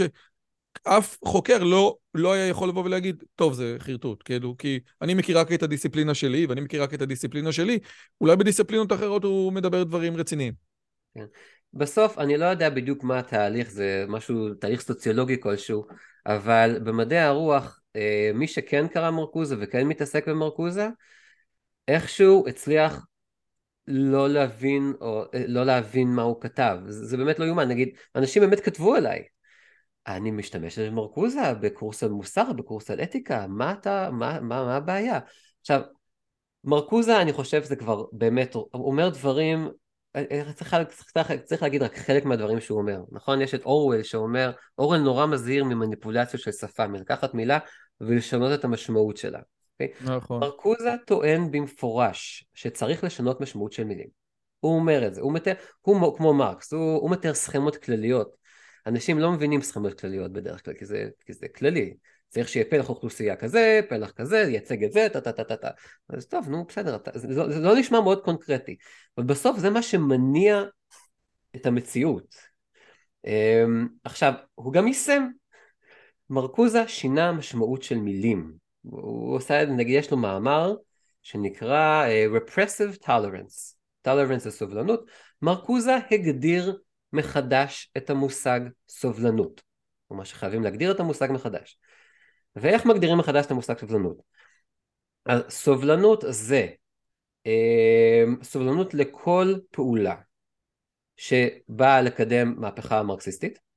כלומר, אה, אני יכולה לשלוח את הציטוטים איך הוא אומר את זה. לא, הוא... לא, לא, הדברים האלה גם פה, אני, אני, אני, כן, אני כן. מכיר, הוא ממש אומר, אתה יודע, של אה, מה שנקרא, שאתה... הדברים הם מטורפים. זאת אומרת, יש פה באמת קטעים בר... אה, מעטים מאוד אצל מקוזה שהם ברורים, ואז הוא אומר, תקשיב, לא משנה מה, אני, אני, אני לא יכול כבר לשחק בצורה הוגנת בתוך המגרש כן, הזה. כן, כן. הוא אפילו אומר, הוא אומר נכון, uh, בדרך כלל אומרים ש-ends don't justify the means. המטרה לא מקדשת את האמצעים. אבל, בעצם כן, הסובלנות זה סובלנות כלפי כל דבר שמערער את, ה, ש, ש, את הממשל, את הסדר העולמי הליברלי, ולא צריך שתהיה סובלנות כלפי מתנגדים. הוא מדבר מפורש שצריך לצנזר אותם, לבטל זכויות אזרח, כמו חופש התאגדות. הוא מאוד מאוד ברור בהתנגדות שלו. עכשיו, אתה רואה גם, הרוע הכי אמיתי, הכי חזק אצלו, זה היחס שלו לשחורים. מרקוזה היה מאוד חכם, והוא שם לב שהסכמה של מרקסיסט, של מרקס, ששוב, צריך שיהיה פלח אוכלוסייה X שבעצם השמיט החברה. הוא אומר מרקס יישם את זה בהתחלה על הפרוליטריון. הפרוליטריון היה אמור להיות זה שישמיד את המבנה החברתי כדי לפנות הדרך להיררכיה חדשה. צריך שתהיה המוש... המושג היררכיה מרקסיסטית, צריך להיות מקובל. כי, כי, זה, כי זה לא ביטול היררכיה, זה יצירת היררכיה חדשה. אז מרקוזה אומר שם לב בצדק שהחברה הליברלית עשירה מדי. אין מספיק, אה, יש לו את המושג מאגר אומללות, אין מספיק מאגר אומללות מקרב הפוליטריון. ולכן מה שצריך לעשות זה למצוא מאגר אומללות אחר והצביע על כל מיני, כולל שחורים. והוא מסביר. אגב, הסיבה, לא... רק שנייה, אני רק רוצה לחדד. הסיבה שאין מאגר אומללות כי מרקוזה עובד בארצות הברית. כן. ואחד הדברים המשמעותיים, הקומוניזם לא מצליח בארצות הברית, כי הפער בין המעמדות לא היה כזה ברור. בארצות הברית נכון. החלום האמריקאי זה שאם היית עני ועבדת קשה, אחרי דור אתה עשיר, כן? כן. לא רק הברונים השודדים, זה באמת בן אדם יכול לעשות את זה. ולכן הקונספט הקונ... המרקסיסטי במובן הכלכלי של יש את מעמד האצולה, מה שעבד ברוסיה נהדר, כי באמת היו שתי מעמדות שלא קרב זה אל זה כל הלילה. נכון. אבל במקומות אחרים, כמו בארצות הברית, זה לא עבד, ולכן, ולכן הרעיון של אסכולת פרנקפורט הייתה סושיאל מרקסיזם. זה לא מרקסיזם במובן הקלאסי, אלא באמת בצד של הכלכלה זה לא יעבוד, כי ארה"ב לא מאפשרת את זה. אז בואו נעשה את זה ברמה של או בתוך התא המשפחתי, או בין אה, אה, מוצאים אתניים שונים, שאלה שני הדברים כן. המרכזיים, ולא היה עדיין את הקהילה הלהט"בית, אבל בוודאי שהקהילה הלהט"בית הפכה להיות חלק מתוך אותו כן. מיעוט נדכא ומדוכא. כן. כן. אז אה, מרקוזה מאוד במפורש מתייחס לשחורים לא בתור כוח, כוח מהפכני, אלא כוח מורד. כלומר, התפקיד שלו זה רק לעשות את ההשמדה כללית, הוא גם אפילו נכנס לרמה של פרקטיקה, הוא אומר, יש המון גטאות של שחורים בערים וזה מצוין, כי הם יכולים לשתק פעילות כלכלית. הוא ממש מגיע לרמה אסטרטגית כזאת. השחורים לפי הסכמה שלו אמורים להיות מנוהלים על ידי קבוצה של אינטלקטואלים, והוא מגיע עד למצב שהוא מביע חשש שהשחורים יתעשרו. כלומר, ויפסיקו להיות כוח מהפכני מורד בשם ה- המטרה שלו. כלומר, השחורים במפורש הם כלי, וזה כבר רמה של רוע. עכשיו, יש נגיד אה, גלי בת חורין למשל, אומרת, טוב, עזבו את מרקס, הוא באמת היה, ב... באמת היה פועלים במצב איום ונורא, ואפשר להבין אותו. בגלל זה היא יותר מתעסקת עם מרקוז הזו, שהיא אומרת, אבל, אבל רגע, הדברים משתפרים, ובשבילך זה בעיה כדי שהדברים משתפרים, כי אין את הכוח המהפכני לעשות מהפכה לא מוגדרת, שבסוף אתה אה, אמור להיות אליטה חדשה. אבל אפילו אצל מרקס, אז יש כאלה, נראה הגיוני, באמת, באמת היה דברים איומים במאה ה-19, היה נגיד, היה צריך לעשות חוק כדי שילדים מתחת לגיל 14 לא יעבדו יותר מ-12 שעות ביממה, באמת היה מצב לא נעים. אבל מרקס בפירוש לא רצה לשפר את המצב, מרקס לא היה בעד רפורמה. מרקס היה בעד סחר חופשי לדעתך? אני עוד פעם, מרקס הוא דמות מאוד מאוד בעייתית. הוא, אתה יודע, הוא בן אדם שבעצם כרוך על כתפיו של אנגלס ברמה מסוימת כפטרון שלו. מצד שני, הוא מאוד מאוד עני, לא מסכים לעבוד יום בחייו. מיכאל ארסגור אמר שכאשר הילדים שלו מתו מרעב ומתת תנאים, ואשתו אמרה לו שהוא לא הסכים אפילו ללכת לעבוד כדי להביא להם ארון קבורה, ואשתו הייתה צריכה ללכת ולקבץ נדבות כדי שיהיה להם ארון קבורה. אז אותו, אותו בן אדם שמזוהה הכי הרבה בהיסטוריה המערבית עם מעמד הפועלים, לא הסכים לעבוד יום בחייו. אז אני, כן, ב- בוודאי שהוא היה דמות אקצנטרית, כן? כן. אבל I... שוב, אני כמו שאתה יודע, מאז מקנטייר, העובדה של האם הוא רצה שוק חופשי, לא מש... גם אם המילים שוק חופשי אצל מרקס נמצאות בכתבים שלו, בוודאי זה לא שוק חופשי במשמעות שאני ואתה מדברים אליו עכשיו. אתה לא, מבין? לא, הוא, הוא מסביר, יש לו מאמר שלם על, על סחר חופשי, והמסקנה שלו בסוף, תראי, המטרה העליונה זה מהפכה, צריך להבין, המטרה העליונה זה מהפכה, אוקיי? לפני, כדי שתהיה מהפכה צריך, צריך שתהיה אומללות וקיטוב. והטענה שלו, שסחר חופשי מקדם אומללות ויביא קיטוב. לכן המשפט המסכם שלו שהוא בעד סחר חופשי. כלומר, הקומוניזם הוא לא רק בעד כל תנועה שמערערת את החברה, הקומוניזם של מרקס בעד כל דבר שכולל אלמנטים קופיטליסטיים שיכולים להגדיר, להגדיל סבל שייצרו מהפכה. היה אמור וזה... להיות בעד דיאטת שייקים. מה? אז, אז, אז, אז אם הוא היה בעד דיאטה של שייקים, זה היה מקדם אומללות יותר טוב. אבל זה, עכשיו זה מחזיר אותי לתוך הבעיה, כי אתה בעצם מדבר, אתה אומר, תקשיב טוב, כל הדבר הזה וכל המסמך הזה, המקורות שלו הם מרקסיסטים, בואו נדבר בצורה יותר פשוטה, שמאלנים. שמאלנים, הרברט מרקוזה נמצא באגף השמאלי של המפה הפוליטית, בצורה פשוטה וכל אחד מבין. וכשאתה מגיע לאקדמיה הישראלית ואומר להם, תקשיבו טוב, יש פה בעיה, בעצם רוב האקדמיה הישראלית, כמו שאומן אומר, היא נוטה לכיוון השמאלי. אז בעצם אתה אומר, תקשיבו טוב, יש פה אג'נדות, אתה לא אומר שמאל, כן? כן, כן ביבי, לא ביבי, אבל אתה יודע, הכל ביחד, כן? מי שהוא שמאל הוא יותר לכיוון הזה. Okay. אוקיי. אז בעצם בזה שאתה מנסה לשכנע את האקדמיה הישראלית, שאגב, כל אקדמיה היא יותר נוטה לשמאל, אתה נמצא פה בבעיה באיזשהו מקום, נכון? אוקיי, okay, אז תראה, מה שאני חושב שקריטי לעשות, היה קריטי לעשות לפני הרבה מאוד זמן, זה לעשות הבחנה בין uh, שמאל של רפורמה ושמאל של uh, מין השמדה כללית. אפשר אפילו לא לדבר על מרקסיזם, אבל שמאל של uh, רפורמה זה אומר ככה, יש, יש סיטואציה, יש נורמה X, אני חושב שנורמה X לא טובה וצריך לעשות נורמה Y, בוא נפעל לכיוון שינוי לנורמה Y. אז זה, כל עוד זה מדובר על משהו ספציפי ו, וחיובי, אז זה בסדר, זה עדיין יהיה שמאל. נגיד, אני אה, לא, להומוסקסואלים אסור להתחתן, אני חושב שכן, זה, זה מה שאני מאמין, בוא נעשה את זה, אז נקרא, זה אפשר לקרוא לזה, אז זה עדיין שמאל. אבל זה, זה לא שמאל, זה לא שמאל, נקרא לזה טוב, שמאל מרקסיסטי, שמדבר באופן כללי על השמדה כללית של נורמות בכלל. עכשיו, אני לא מבין את כל כך המתנגדים של המרקסיזם נגיד, של מתנגדים נגיד, ל... מי שרואה דברים בעייתיים בתיאוריית הקוויר, בתיאוריית הקוויר, בענייני הטרנסג'נדרים, כאילו, צריך, תקראו את המאמר המייסד של תיאוריית הקוויר, המייסד. קוראים לו Thinking Sex של גייל רובן, אוקיי? במאמר המייסד של התיאוריה הזאת, ממש לפני הסיכום, נאמר ככה: יש כאלה שחושבים שהפמיניזם הוא הממשיך, הוא ממשיך דרכו הטבעי של המרקסיזם. כאילו, זאת ההנחה, זה, זה, זה מה ש, שהיא אומרת. למה? כי מה, מה המשותף? רעיון של לשבור שוק חופשי, לשבור רכוש פרטי, לשבור פטריארכה, העניין של ליצור שינוי חברתי שהוא בעצם כללי ולא מוגדר בצורה חיובית.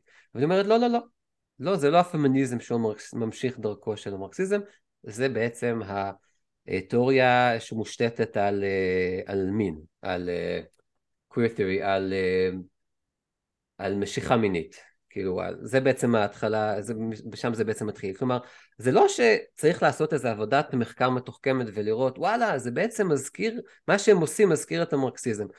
במייס, במייסדים עצמם, הם מקשרים את עצמם למרקסיזם בצורה מפורשת. אה, גם אה, מה שגוף שנקרא Black Feminists, היה להם את ה-Camberhy River Collective, במניפסטו שלהם הם מאוד מאוד מאוד ברורים. שהם מרקסיסטים, ואפילו הם, יש להם משפט יפה שאומר שהם חושבים אבל שהם צריכים לנהל את העניינים, ממש הסיכום שלהם אומר, אי אפשר לדמיין מישהו שהוא גבר או לבן, הטרוסקסואל, שינהל את המהפכה. כלומר, יש את הלפיד הזה של האנרגיה האדירה הזאת, שכנראה מרקס איכשהו הצליח לייצר אנרגיה של, של שינוי כללי לא מוגדר, ו, וגופים שמתבצעת, או כמו, ש... או כמו שאנחנו אומרים, באיזשהו מקום, הרעיונות האלה, או הרגשות שמקס מצליח לערער, מצליח לעורר, ובוודאות הוא מצליח, יוצאות מאיזשהו מקום של רעיון של צרות עין, של קנאה באחר. אתה רואה שהאחר מצליח, ואתה אומר, זה לא טוב, למה הוא ככה ואני לא? זה הקנאה, התאווה והכבוד שמוציאים את האדם מן העולם. כנגד זה דניס פרגר אומר שהדבר המרכזי שהיהדות שמה על השולחן כנגד התפיסות האלה, זה בדיבר לא תחמוד. פשוט אל תסתכל מה יש לשני. הוא אומר, זה דיבר קשה מאוד, אבל הדיבר הזה הוא העניין. ה-resentment, כן, שניטשה מדבר עליו, התסכול והזה שאתה... זה דבר שיכול להרוג, וכני, ושוב, הוא, זה רגשות אמיתיים שקיימים אצל בני אדם, כי אחרת זה לא היה עובד. והם הם היו קיימים פעם, ובמאה ה-19, ובמאה ה-20 ובמאה ה-21. והשאלה שלי עכשיו אליך, זה נניח מישהו שמע את השיחה שלנו ואומר, אוקיי, נראה לי לא טוב. יש לו, יש לך, אתה יודע, כמו של ה-SDG, יש action items. לך יש action items? כן. action uh, item, קודם כל, זה ליצור את הקו הזה, ממש ממש קריטי. ליצור את הקו בין רפורמה והשמדה. נגיד מרטין לותר קינג ומרקוזה מדגימים את זה בצורה נפלאה. מרטין לותר קינג, נשים אותו בשמאל, כי הוא רצה שינוי, הוא רצה רפורמה, אבל מרטין לותר קינג רצה רפורמה חיובית. זה מאוד ברור גם כי I have a dream, נכון? I have a dream, טה טה טה, הוא חיובי, הוא מוגדר. ו... ומרקוזה, שבתקופתו אמר, לא, לא, לא, לא, לא, לא, מרטין לותר קינג הוא לא מהפכן. למה? כי מרטין לותר קינג רק רוצה ליישם אה, את הצהרת העצמאות האמריקאית. כלומר, הוא רוצה ליישם עקרונות, את העקרונות האלה, אז הוא לא, הוא לא באמת מהפכן. ומהפכה, התוכנית של מרקוזה לעומת זאת זה תשמידו הכל, תיתנו לי לנהל את הדברים ויהיה טוב. זה באמת התוכנית. כאילו, אני, זה, זה, זה מדהים הדבר הזה. יש אפילו קטע שמרקוזה אומר, אה, אנשים שרוצים, אה, אנשים יכולים להגיד, תראו, המערכת עובדת בסופו של דבר, אה, אז אתם תביאו אלטרנטיבה. הוא אומר את זה, ואז האלטרנטיבה היא, בלוגיקה שלי, שלילה היא חיוב. זה מה שהוא אומר. ואם לשמאל אכפת, באמת באמת אכפת, מרפורמה בתחומי גזע, בתחומי מגדר, בתחום של, אה, אה, של משיכה מינית, כל תחום, אם באמת אתה רוצה רפורמה, אתה חייב ל- להתמודד עם המרקסיזם שמנצל אפקטיבית כל תנועת רפורמה לטובתו. יש כתבי, יש טקסט אצל מישהו מאוד בכיר בתיאוריית הקוויר, שמדבר על הומוסקסואלים, מדבר עליהם כמו שמרקוז מדבר על שחורים. הוא אומר, לא מספיק ש... שיש שם שוויון. לא מספיק גם להגיד שלהיות הומוסקסואל זה יותר טוב. לא, לא, לא. צריך לנצל את המיקום של הומוסקסואלים בשוליים של החברה. כלומר, צריך לנצל אותם כדי ליישם את הסכמה של מרקס.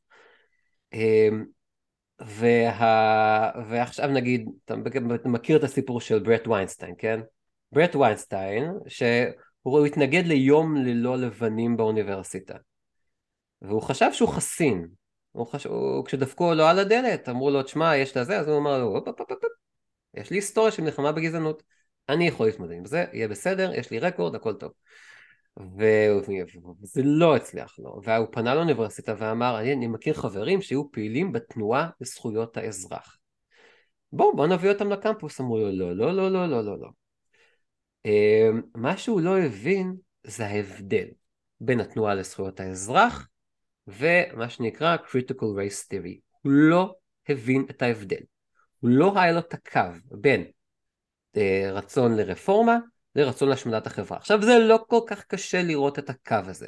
אם אתה הולך למסמך המייסד של... עזוב, אבל שנייה רגע, ל-SDG, מי שכותב, ה-SDG זה מסמך לרפורמה או להשמדת החברה? השמדה, זה, כאילו זה טריוויאלי. למשל, אחד הדברים שהם ממליצים עליו במסמך שעליו דיברתי, זה אה, אחרי קצת דיבור על ג'ורג' פלויד, ולכן צריך את ה-critical race theory. בהקדמה, אתה חייב ללכת לרעיונות המקוריים, בהקדמה לספר שכתבו המייסדים של ה-critical history, כתוב, בשונה מהתנועה לזכויות האזרח, אנחנו רוצים לערער את יסודות החברה הליברלית, כולל אה, תיאוריית המשפט, תיאוריית השוויון ו-enlightenment rationalism. כלומר, כדי לחשוף את, ה, את מה שהם רוצים לעשות, לא צריך לעשות הרבה יותר מללכת למסמכים האלה שקצת אולי קשה לקרוא, אבל לא באמת קשה לקרוא. יש כבר, אנש, כבר אנשים כמו ג'יימס לינדזי, ואם תחפש critical race theory, אתה מיד כן, תגיע לזה. כן, בדיוק, a bachelor degree should include courses in holistic ways of knowing more inclusive approaches to human community interaction and respect to culture and knowledge system. This may include advanced anti-racist pedagogy, supporting reflection on critical race theory and decolonization the curriculum. נכון. אז שוב, אז מי שכמוני וכמוך, סתם שרוצים להתעסק ב... ב... בדברים שלהם, אני מפתח חומרי למידה במתמטיקה ואני ממציא משחקים, באמת הייתי שמח לעשות את זה. אני באמת חשבתי, אני במקצוע מושלם, אני נהנה, אני ממציא, יש לי חופש יצירתי, אני רואה את האפקט שלי בפועל, אני בסדר, אבל, אבל אני רואה ש... משהו התפקשש. אבל אתה לא ענית אנשים... לי, מה, מה, מה אתה מצפה? האם, תראה, אתה יכול לבוא ולהגיד, אני מצפה מהאקדמיה הישראלית, מהאקדמיה הלאומית למדעים, מפרופסור דוד הראל, שיוציא מכתב חתום ויגיד, אני מתנגד לדבר הזה. זה, זה אמירה, סבבה. אני מוכן, אני יכול, אני מצפה מהמל"ג שיבואו ויגידו, אנחנו לא מוכנים, שזה דבר קשה, כן? כי אתה יודע, אם, אם הרווארד וייל ו- ו- וקורנל חתומות על זה, זה יותר קשה לעשות, אבל בסדר. זאת אמירה, אני מצליח... מה, מה אתה מצפה מכל נכון. ה... מכולם? אז אה, אוקיי. אז רק... יש לך נכנס... פטיציה בעצומה, כאילו, אמיתי, בסדר, אוקיי, שכנעת, אוקיי, סע, מה אתה רוצה? אוקיי, אז uh, כתבתי את המסמך הזה ש...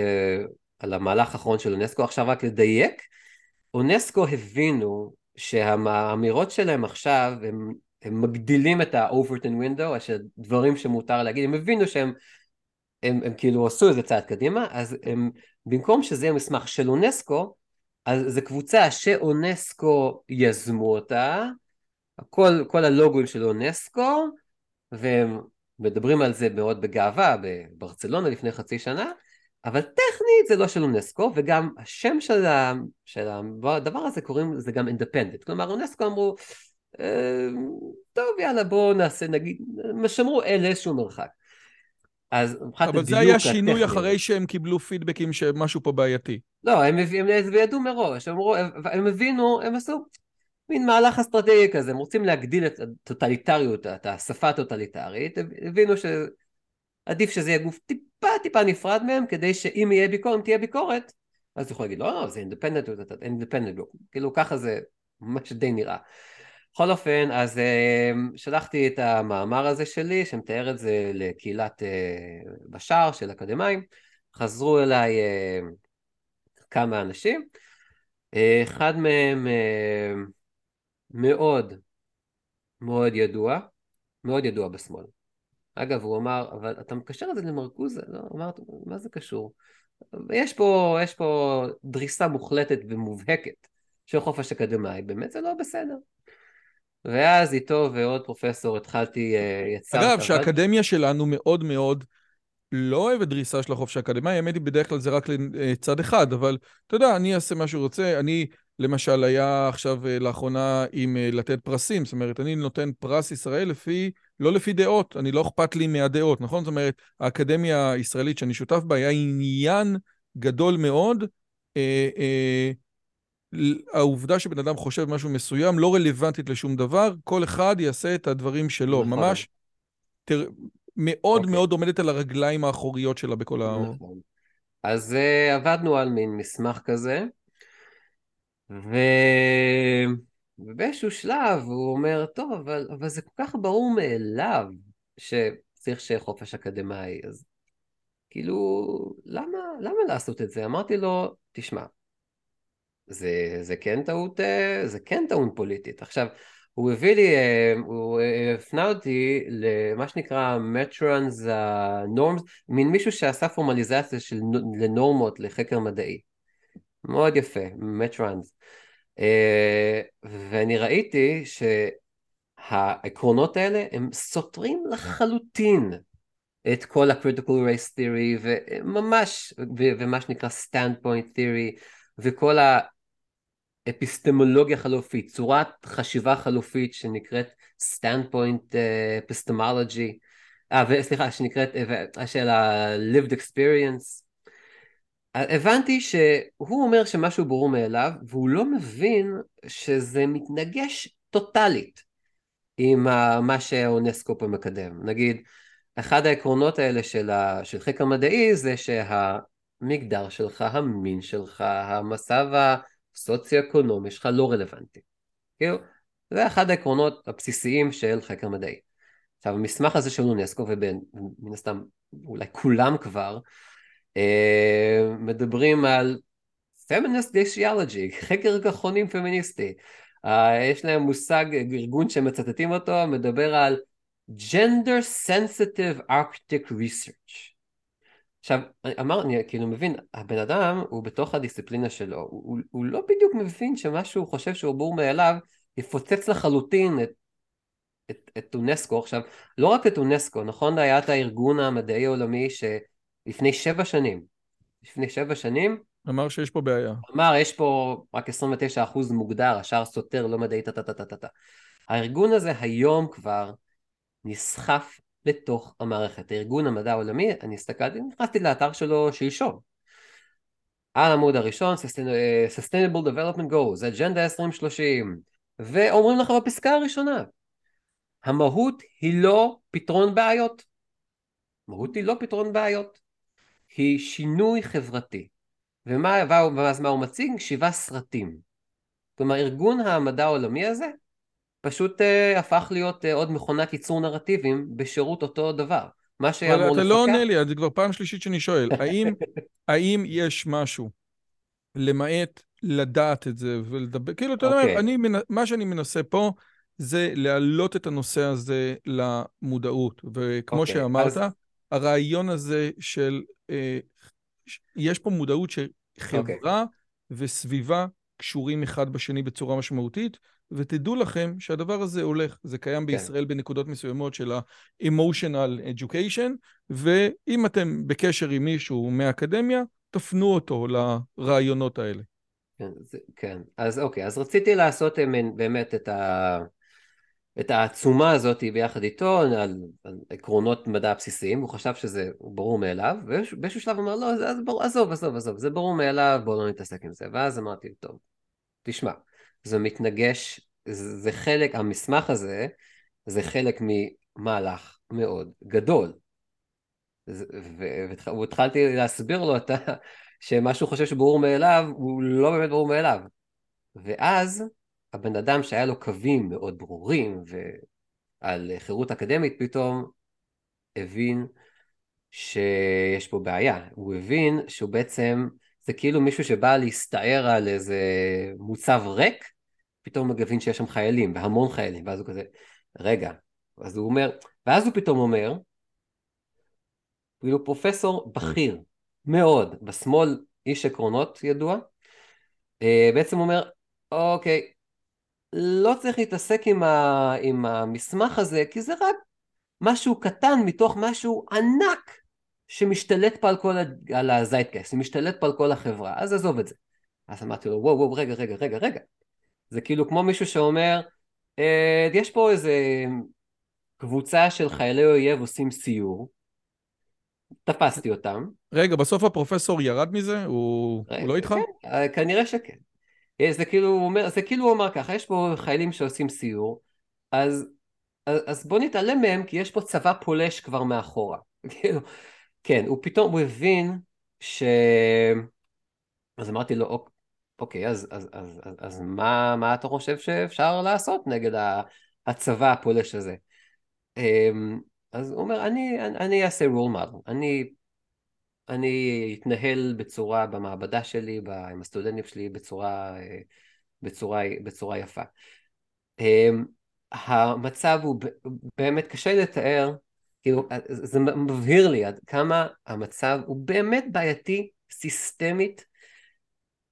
המצב הוא כאילו יותר מדי קשה מכדי להכיל כל כך. אמ, מדעי הרוח אה, באקדמיה, בעולם, באופן גלובלי, נגיד, הפכו להיות מונוטונים, הפכו להיות אה, הומוגנים, אה, ודוחפים לכיוון מאוד מאוד בעייתי, שמאפשר את הרוח הגבית, מאפשר ממש את הרוח הגבית לאונסקו להמשיך לעשות את הדבר הזה, וזה, ואין משהו, ומדעי הטבע מצד שני, שנים אומרים טוב, בסדר, יש חופש הדעה. מדעי הרוח בכל מקרה, בסדר, אז יגידו קצת שטויות, לא נורא. יגידו קצת בולשיט, הוא כל הזמן ישתמש במילה בולשיט, זה בולשיט, זה בולשיט, זה בולשיט. זה בולשיט ברעיון זה שזה בולשיט, זה לא אופרטיבי, זה לא מסוכן, יאללה, שיהיה. אממ, אז, אה, אז יש פה בעיה, כאילו, עמוקה. כאילו, מדעי הרוח במובנים מאוד בסיסיים, מושחתים. נגמר, נגמר הסיפור. אם הם לא מבינים לא יודעים לקרוא מרקוזה, לא יודעים לקרוא את המשמעות של מה שנאמר שם למשל. אני יכול פריירה, פריירה זה... עזוב, אני אלך אליו למקום אחר. אם הם לא ראו את הטירוף הזה ולא עצרו את זה שם, מדעי הרוח זה לא שטויות. מדעי הרוח הם אלה. הם אלה, היה להם תפקיד חשוב. היה להם תפקיד חשוב להתמודד עם רעיונות במקור. רעיונות בסוף מתגלגלים, הם נהיים אופרטיביים. בסוף הקהילה, האקדמיה המדעית העולמית, זה שוטף אותה. המקור, יש, יש עוצמה אדירה בדבר הזה. אז לא, הייתה טעות גדולה להגיד, טוב, בולשיט, בולשיט, בולשיט. לא, לא, לא, לא, לא.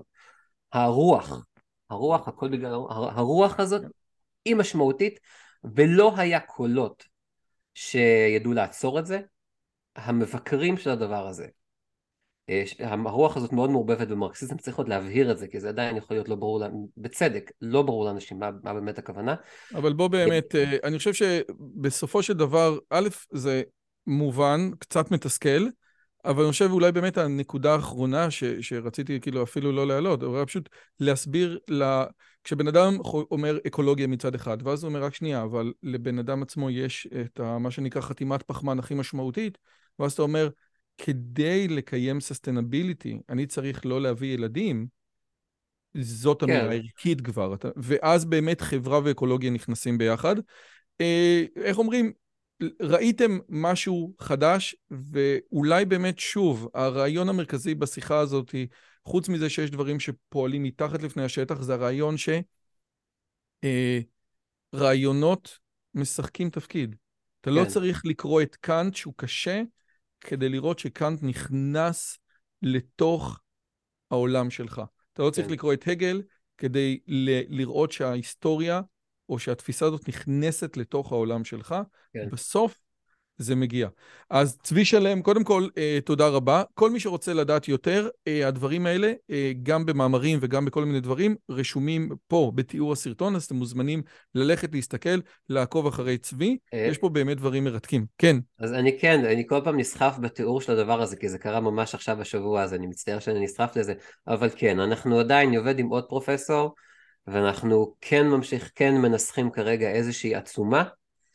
אה, איזשהו, קראנו לזה הגדרה מחדש של העקרונות מדעיים מאוד מאוד בסיסיים, שהפרופסור השני שפרש חשב שהם ברורים עד שהוא הבין שהם בעצם לא, ו... ואז, ואז הוא פרש. ו... וכן, עדיין, אנחנו עדיין חושבים איך לנסח את זה, אולי כהצהרת עקרונות, אולי כקריאה ל... לחקירה של אונסקו, צריך להתחיל איפשהו, נכון? דורטון פיטרסון עמד על ה-C16, צריך שיהיה כן. משהו. כלומר בעיקרון מטרה יכולה להיות מאוד מאוד הגיונית עכשיו, Defund UNESCO זה oh. מהלך מאוד מאוד מתבקש עכשיו. לא צריך להשקיע בזה כסף, אתה צריך לחסוך חצי מיליארד דולר בשנה שהולכים לאינדוקטרינציה הכי מחרידה שיש. אונסקו עובר בצורה מפורשת, הפרופסור השני שם לב, שאונסקו בעצם הפעולה הזאת סותרת את האמנה שלו. אונסקו פועל בצורה הפוכה מהאמנה שלו, בהחלט אפשר לקרוא ל-Defund UNESCO, זה יעשה לכולם טוב, וכל אלה שיגנו עכשיו על יונסקו, אני חושב שזה מאוד, כלומר אם אתה תוקף איזשהו משהו, אתה חייב, אתה חייב להתחיל איפשהו. צריך למצוא את נקודת ההתחלה, להתקיף את המסמך הזה, לקשר אותו לאונסקו, להתקיף את אונסקו בכל הכוח, זה נראה לי סביר והגיוני ומוצדק לחלוטין, כי הם קוראים לשלטון טוטליטרי על העולם, זה, זה טירוף מה שהם עשו, וצריך להגיד וואו, טעיתם, ניסיתם להתקדם לאט לאט לאט לבשל את הצפרדע, וואלה, פספסתם, העליתם את הטמפרטורה טיפה מהר מדי, תפסנו אתכם, אנחנו ניכנס בכם, defund UNESCO, יהיו להם המון המון המון תומכים, ואז נדע מי התומכים, נדע מי לא הבין את מרקוזה, לא קרא את מרקוזה, מתבלבל רע, לא אכפת לי, צריך להתמודד עם התופעה הזו, זו תופעה סיסטמית. ואם אתם מתלבטים אם למי לתת את כספי המעשר, אומר צבי שלם לא לשלוח אותם לאונסקו. צבי שלם, תודה רבה רבה רבה על השיחה המרתקת הזאת, כאילו ממש כאילו לקוחה מתוך עולם אחר, אבל מסתבר שהיא לקוחה מתוך מסמכים שהתפרסמו ממש בשבועות האחרונים. כן, הטקסטים כתובים. תודה רבה. תודה. אם הגעתם עד לכאן, מגיע לכם כל הכבוד. אז תנו לי להגיד לכם שלושה דברים קצרים. הדבר הראשון, אם שמעתם משהו בשיחה שמעניין אתכם, שאתם רוצים לקחת הלאה, פשוט ספרו אותו לאנשים אחרים. משהו מעניין שאני אמרתי, משהו מעניין שהאורח שלי אמר, איזשהו רעיון שאתם רוצים לקחת איתכם לחיים, פשוט ספרו אותו לחבר או לחברה. זאת הדרך הטובה ביותר לזכור את הרעיונות מתוך השיחות האלה. הדבר השני, אם אתם רוצים לקחת חלק בקהילה שלנו ולפגוש ולדבר עם אנשים כמוכם, אתם מוזמנים לערוץ הטלגרם שלנו, שווה לכם מאוד. פשוט תראו עוד אנשים שמתעניינים מדברים מגניבים בדיוק כמוכם. והדבר האחרון, אם אתם יכולים, דרגו את הערוץ שלנו באפליקציית הפודקאסטים שלכם, זה יכול להיות בספוטיפיי, באפל פודקאסט או בגוגל פודקאסט, זה תהליך קצר של שתי שניות, הוא מאוד מאוד יעזור לנו להפיץ את הבשורה הלאה. שיהיה לכם כיף גדול וכיף בשיחה הבאה.